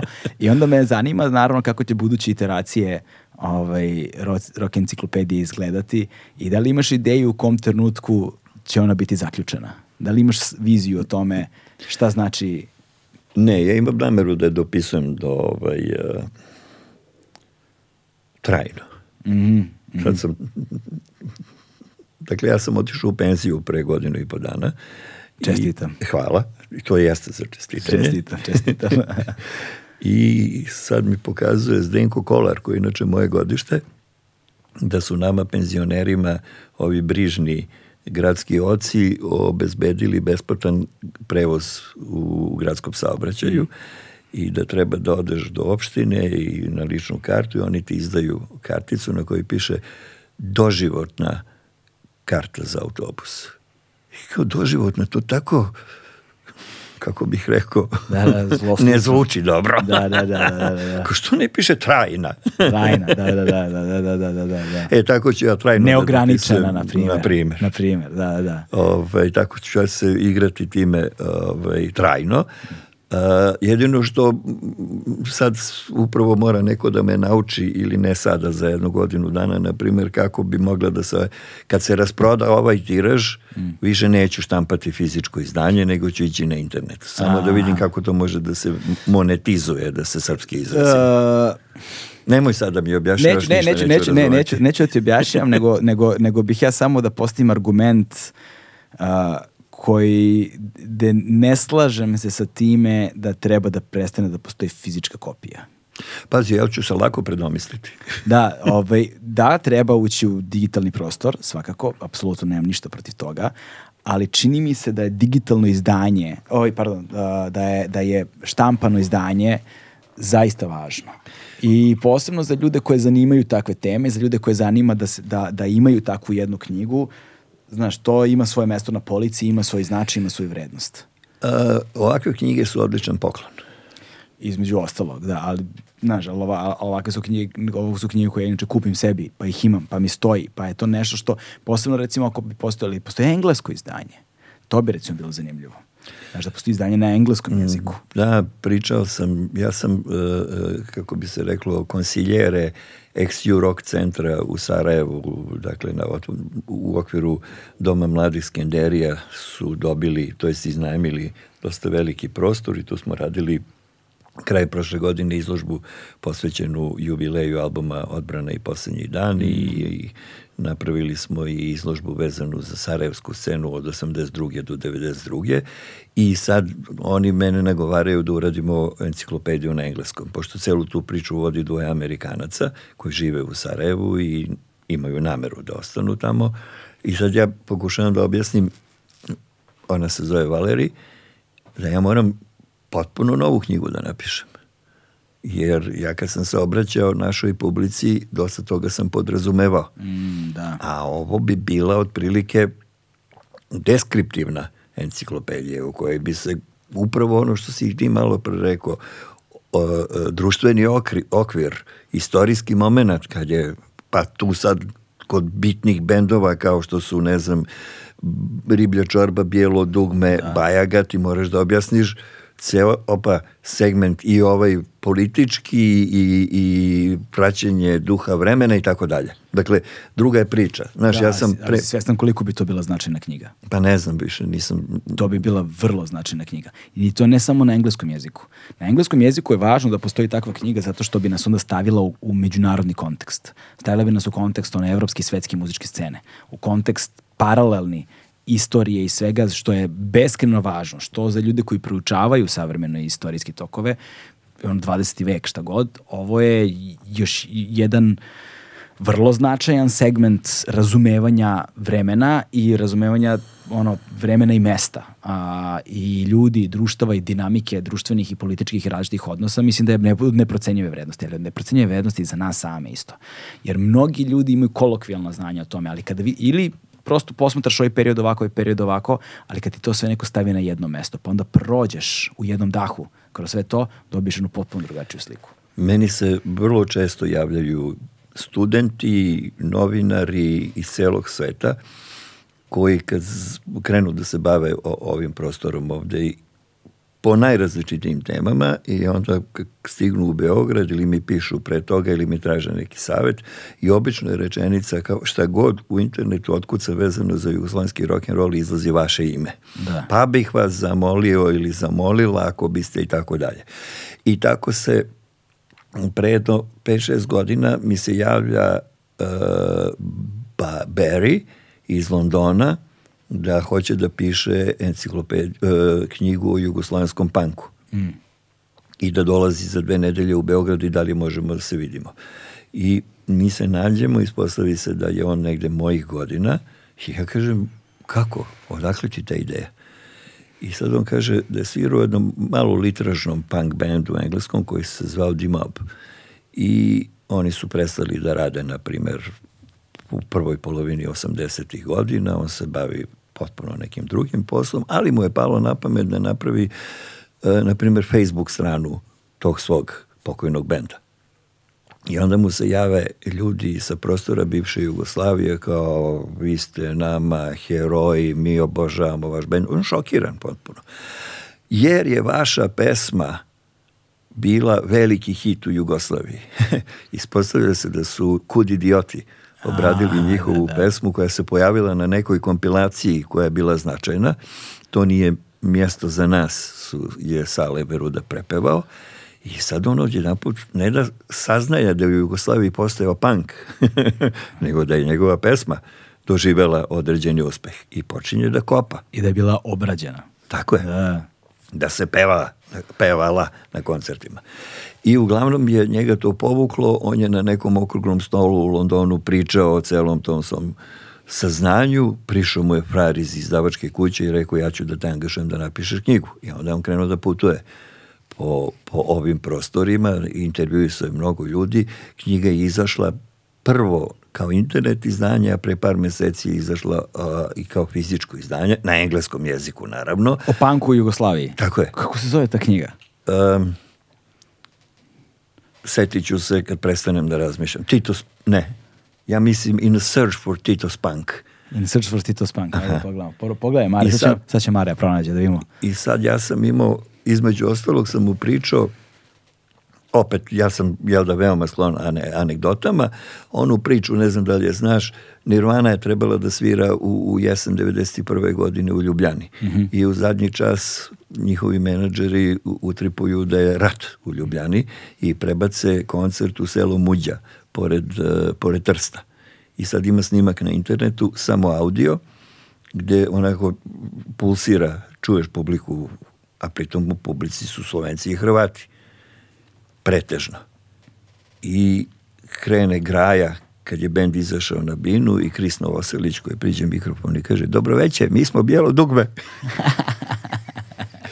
I kreće smijurije u publici i sve. I sad ja to Bariju ispričam i on mi se javlja par meseci kasnije kako je probao da utvrdi gde su svirali u tom selu i do, ustupio je u kontakt sa gradonačelnicom mm selo načelnicom. Da, da. da. mislim, nije selo, to je gradić. To, to, mislim, da, to, možda bi to je opštinski neki. Na primjer. Da, da, da, I, ovaj, I ispostavlja se da ona bila na tom koncertu, wow. da je tad bila klinka, a da je njen Čale tada bio gradonačelnik i da je njen Čale omogućio taj koncert u, u prostorijama Komunističke partije Italije. Wow! I wow. kao, to mu je sve super za knjigu. Pa da, to su fascinantni, pa fascinantne stvari. I, I zanimljivo je zato što ljudi poput vas su ljudi koji čuvaju te stvari od zaborava.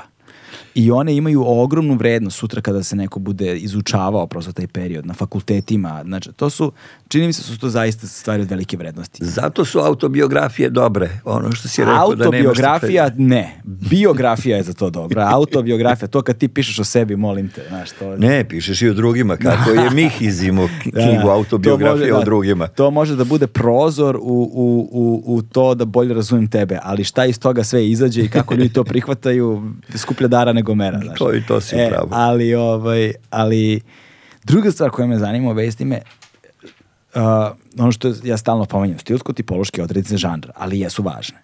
Jer žanr to čini. Ali kad govorimo o žanrovskoj muzici, i žanrovi se pomeraju na skali.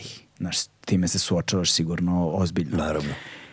I postavlja se pitanje gde se pravi jasna granica – Znaš, ko, koji su to bendovi u kojih sediš i lomiš glavu? Je li ovo taj bend ili nije taj bend?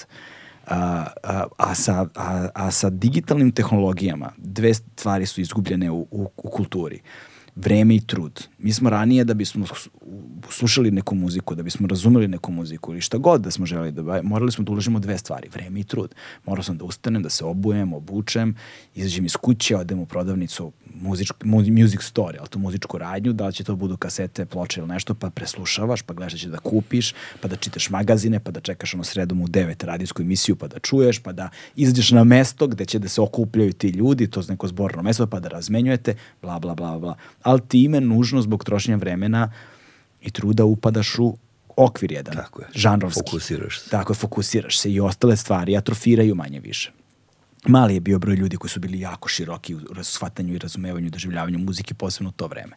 Ali sa digitalnim to se sve raspalo. Sada je klik, klik, klik, klik i sve živo utiče na tebe.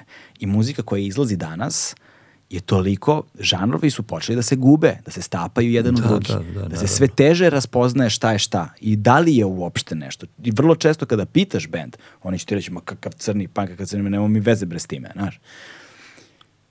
Kako tu, šta je, kako se tu snalaziš? Jo, ne snalazim se uopšte. Znaš, ja sam prestao naravno da idem na exit, pošto ništa ne znam što se šta, šta nastupa na egzitu. pa ne, da, ozbiljno da, se da. ne foliramo. I, ovaj, e, i, I zaista, e, e, dakle, mešanja žarova u početku su me zbunjivalo, onda sam prestao se opterećujem time. Onda sam bio u pozonu, ja to slušam kao jedinstven organizam i da ne ulazim sad da li, je, da li je kompatibilno to što je ovaj moment u ovom delu je ušao u rege, a ovde je malo prešao tehno, na primer izmišljam, da. nego kao ajmo da vidimo to kao uh, pesmu kao takvu. Da. I uh, prosto, znaš, zato što mislim da se i tu ide u, u, u uh, predumišljaj. Mm da se, znaš, kao, da smislimo kako ćemo da napravimo da bi bilo. A ne... Na nego... koga misliš, na bend ili na autora? I na, I na bend i na autora. Znaš, ono, kad ti objašnjava, to je meni odavno rekao Kornelije Kovač, da je prestao da radi kao uh, uh, po narudžbi, jer kaže, dođu mi i kažu mi, vidi, uh, treba mi pesma da bude kao. Ono tu kad mi kaže kao, Ja kažem, nisam vam ja adresa za to. Dakle, puno puta se razmišlja o tome koje se publici obraćaš, e, gde ćeš, naj, kojom brzinom ćeš da dođeš do klikova i tako dalje, koju zamku da napraviš potencijalno slušalcu. Da, da, da. I onda se, prosto se ne upuštam da razmišljam o tome, onda nemam spontanost u slušanju. Da, dobro, to je ono kada posmetraš muziku kao poslovni model. Da. Dakle, ja sad tražim šta je mainstream, šta će se proda i pravim to. Ako se sutra prodaje ovo, pravim ovo. Ako se prodaje ono, pravim ono. Znači, ako se prodaju cipele, pravim cipele. Znači, nije važno. Znači, to, je, to su ovi poslovni aspekti, jel te? Ali mislim da su i oni nužni za negde ono zdravo tržište i za novac koji, bi, koji se tu sliva, da, ali da ono što je kulturno, kulturološko raslojavanje, jel te, po horizontali, ova popularna, znaš kao pop, pop, pop je šta je najprodavanije, to je ono vertikala, ali ona ima i druge elemente, jer ovaj mora, da, to je neko ko mora da osluškuje ipak šta je popularno, a to što je popularno, popularno je iz nekog razloga. Naravno. Tako da ta Naravno. vertikala ima svoju vrednost i svoje mesto, ali me zanima u ovom konkretnom slučaju u horizontali, ka, znači ti kad pogledaš šta, šta, šta bi ti bila dva opozita recimo u, u enciklopediji, koji ne znaš ono kada bi stavio jedan pored drugog ovaj, kako, kako bi ljudi reagovali. Daj mi neki primjer. Pa ne znam, znači šte, kao s jedne strane imaš nešto što bismo nazvali klasičnom rock pesmom, na primjer, uzmeš, ne znam, šta bismo mogli da nazovemo klasičnim rokom kod nas, na primjer, klasičnim rock hitom. Misliš od novih imena? Šta, ili? Uopšte, uopšte, uopšte govorim, tu pred svega vjerojatno govorimo o 70 i 80-im. Pa Jugrupa, Jugrupa, recimo, Jugrupa, na primjer, i šta bi nazvao postmodernim nešto što ti u poslednjih 3, 4, 5 godina ušlo na, ono, ušlo na radar? Artan Lili. Artan Lili, dobro, ja Artan Lili. vidim slepljivanje različitih žarova. Dobro, oni jesu, oni su jako dobri. Ali da šta bi ti bilo, znaš, ili imaš nešto što ti od Artan Lili je još dalje? Ja mogu da preskočimo ovo pitanje. Može.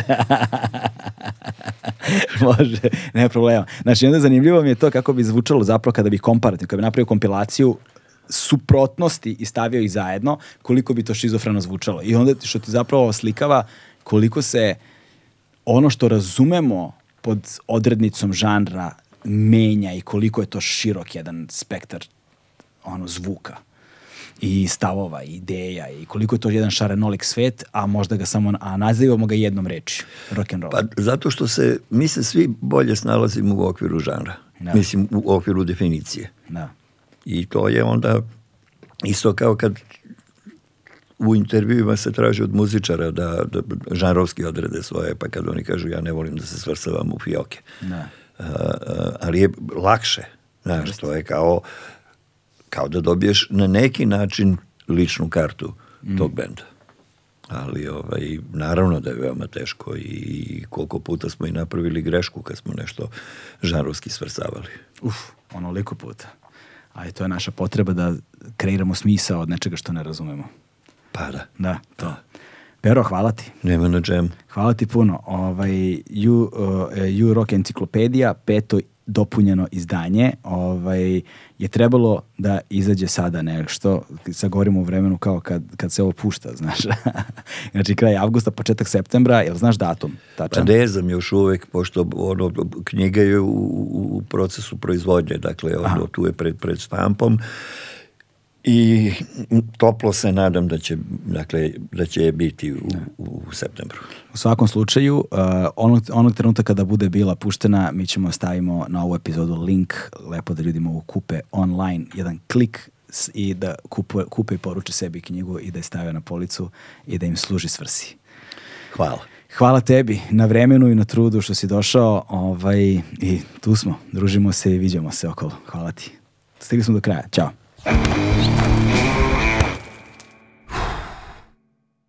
Hmm.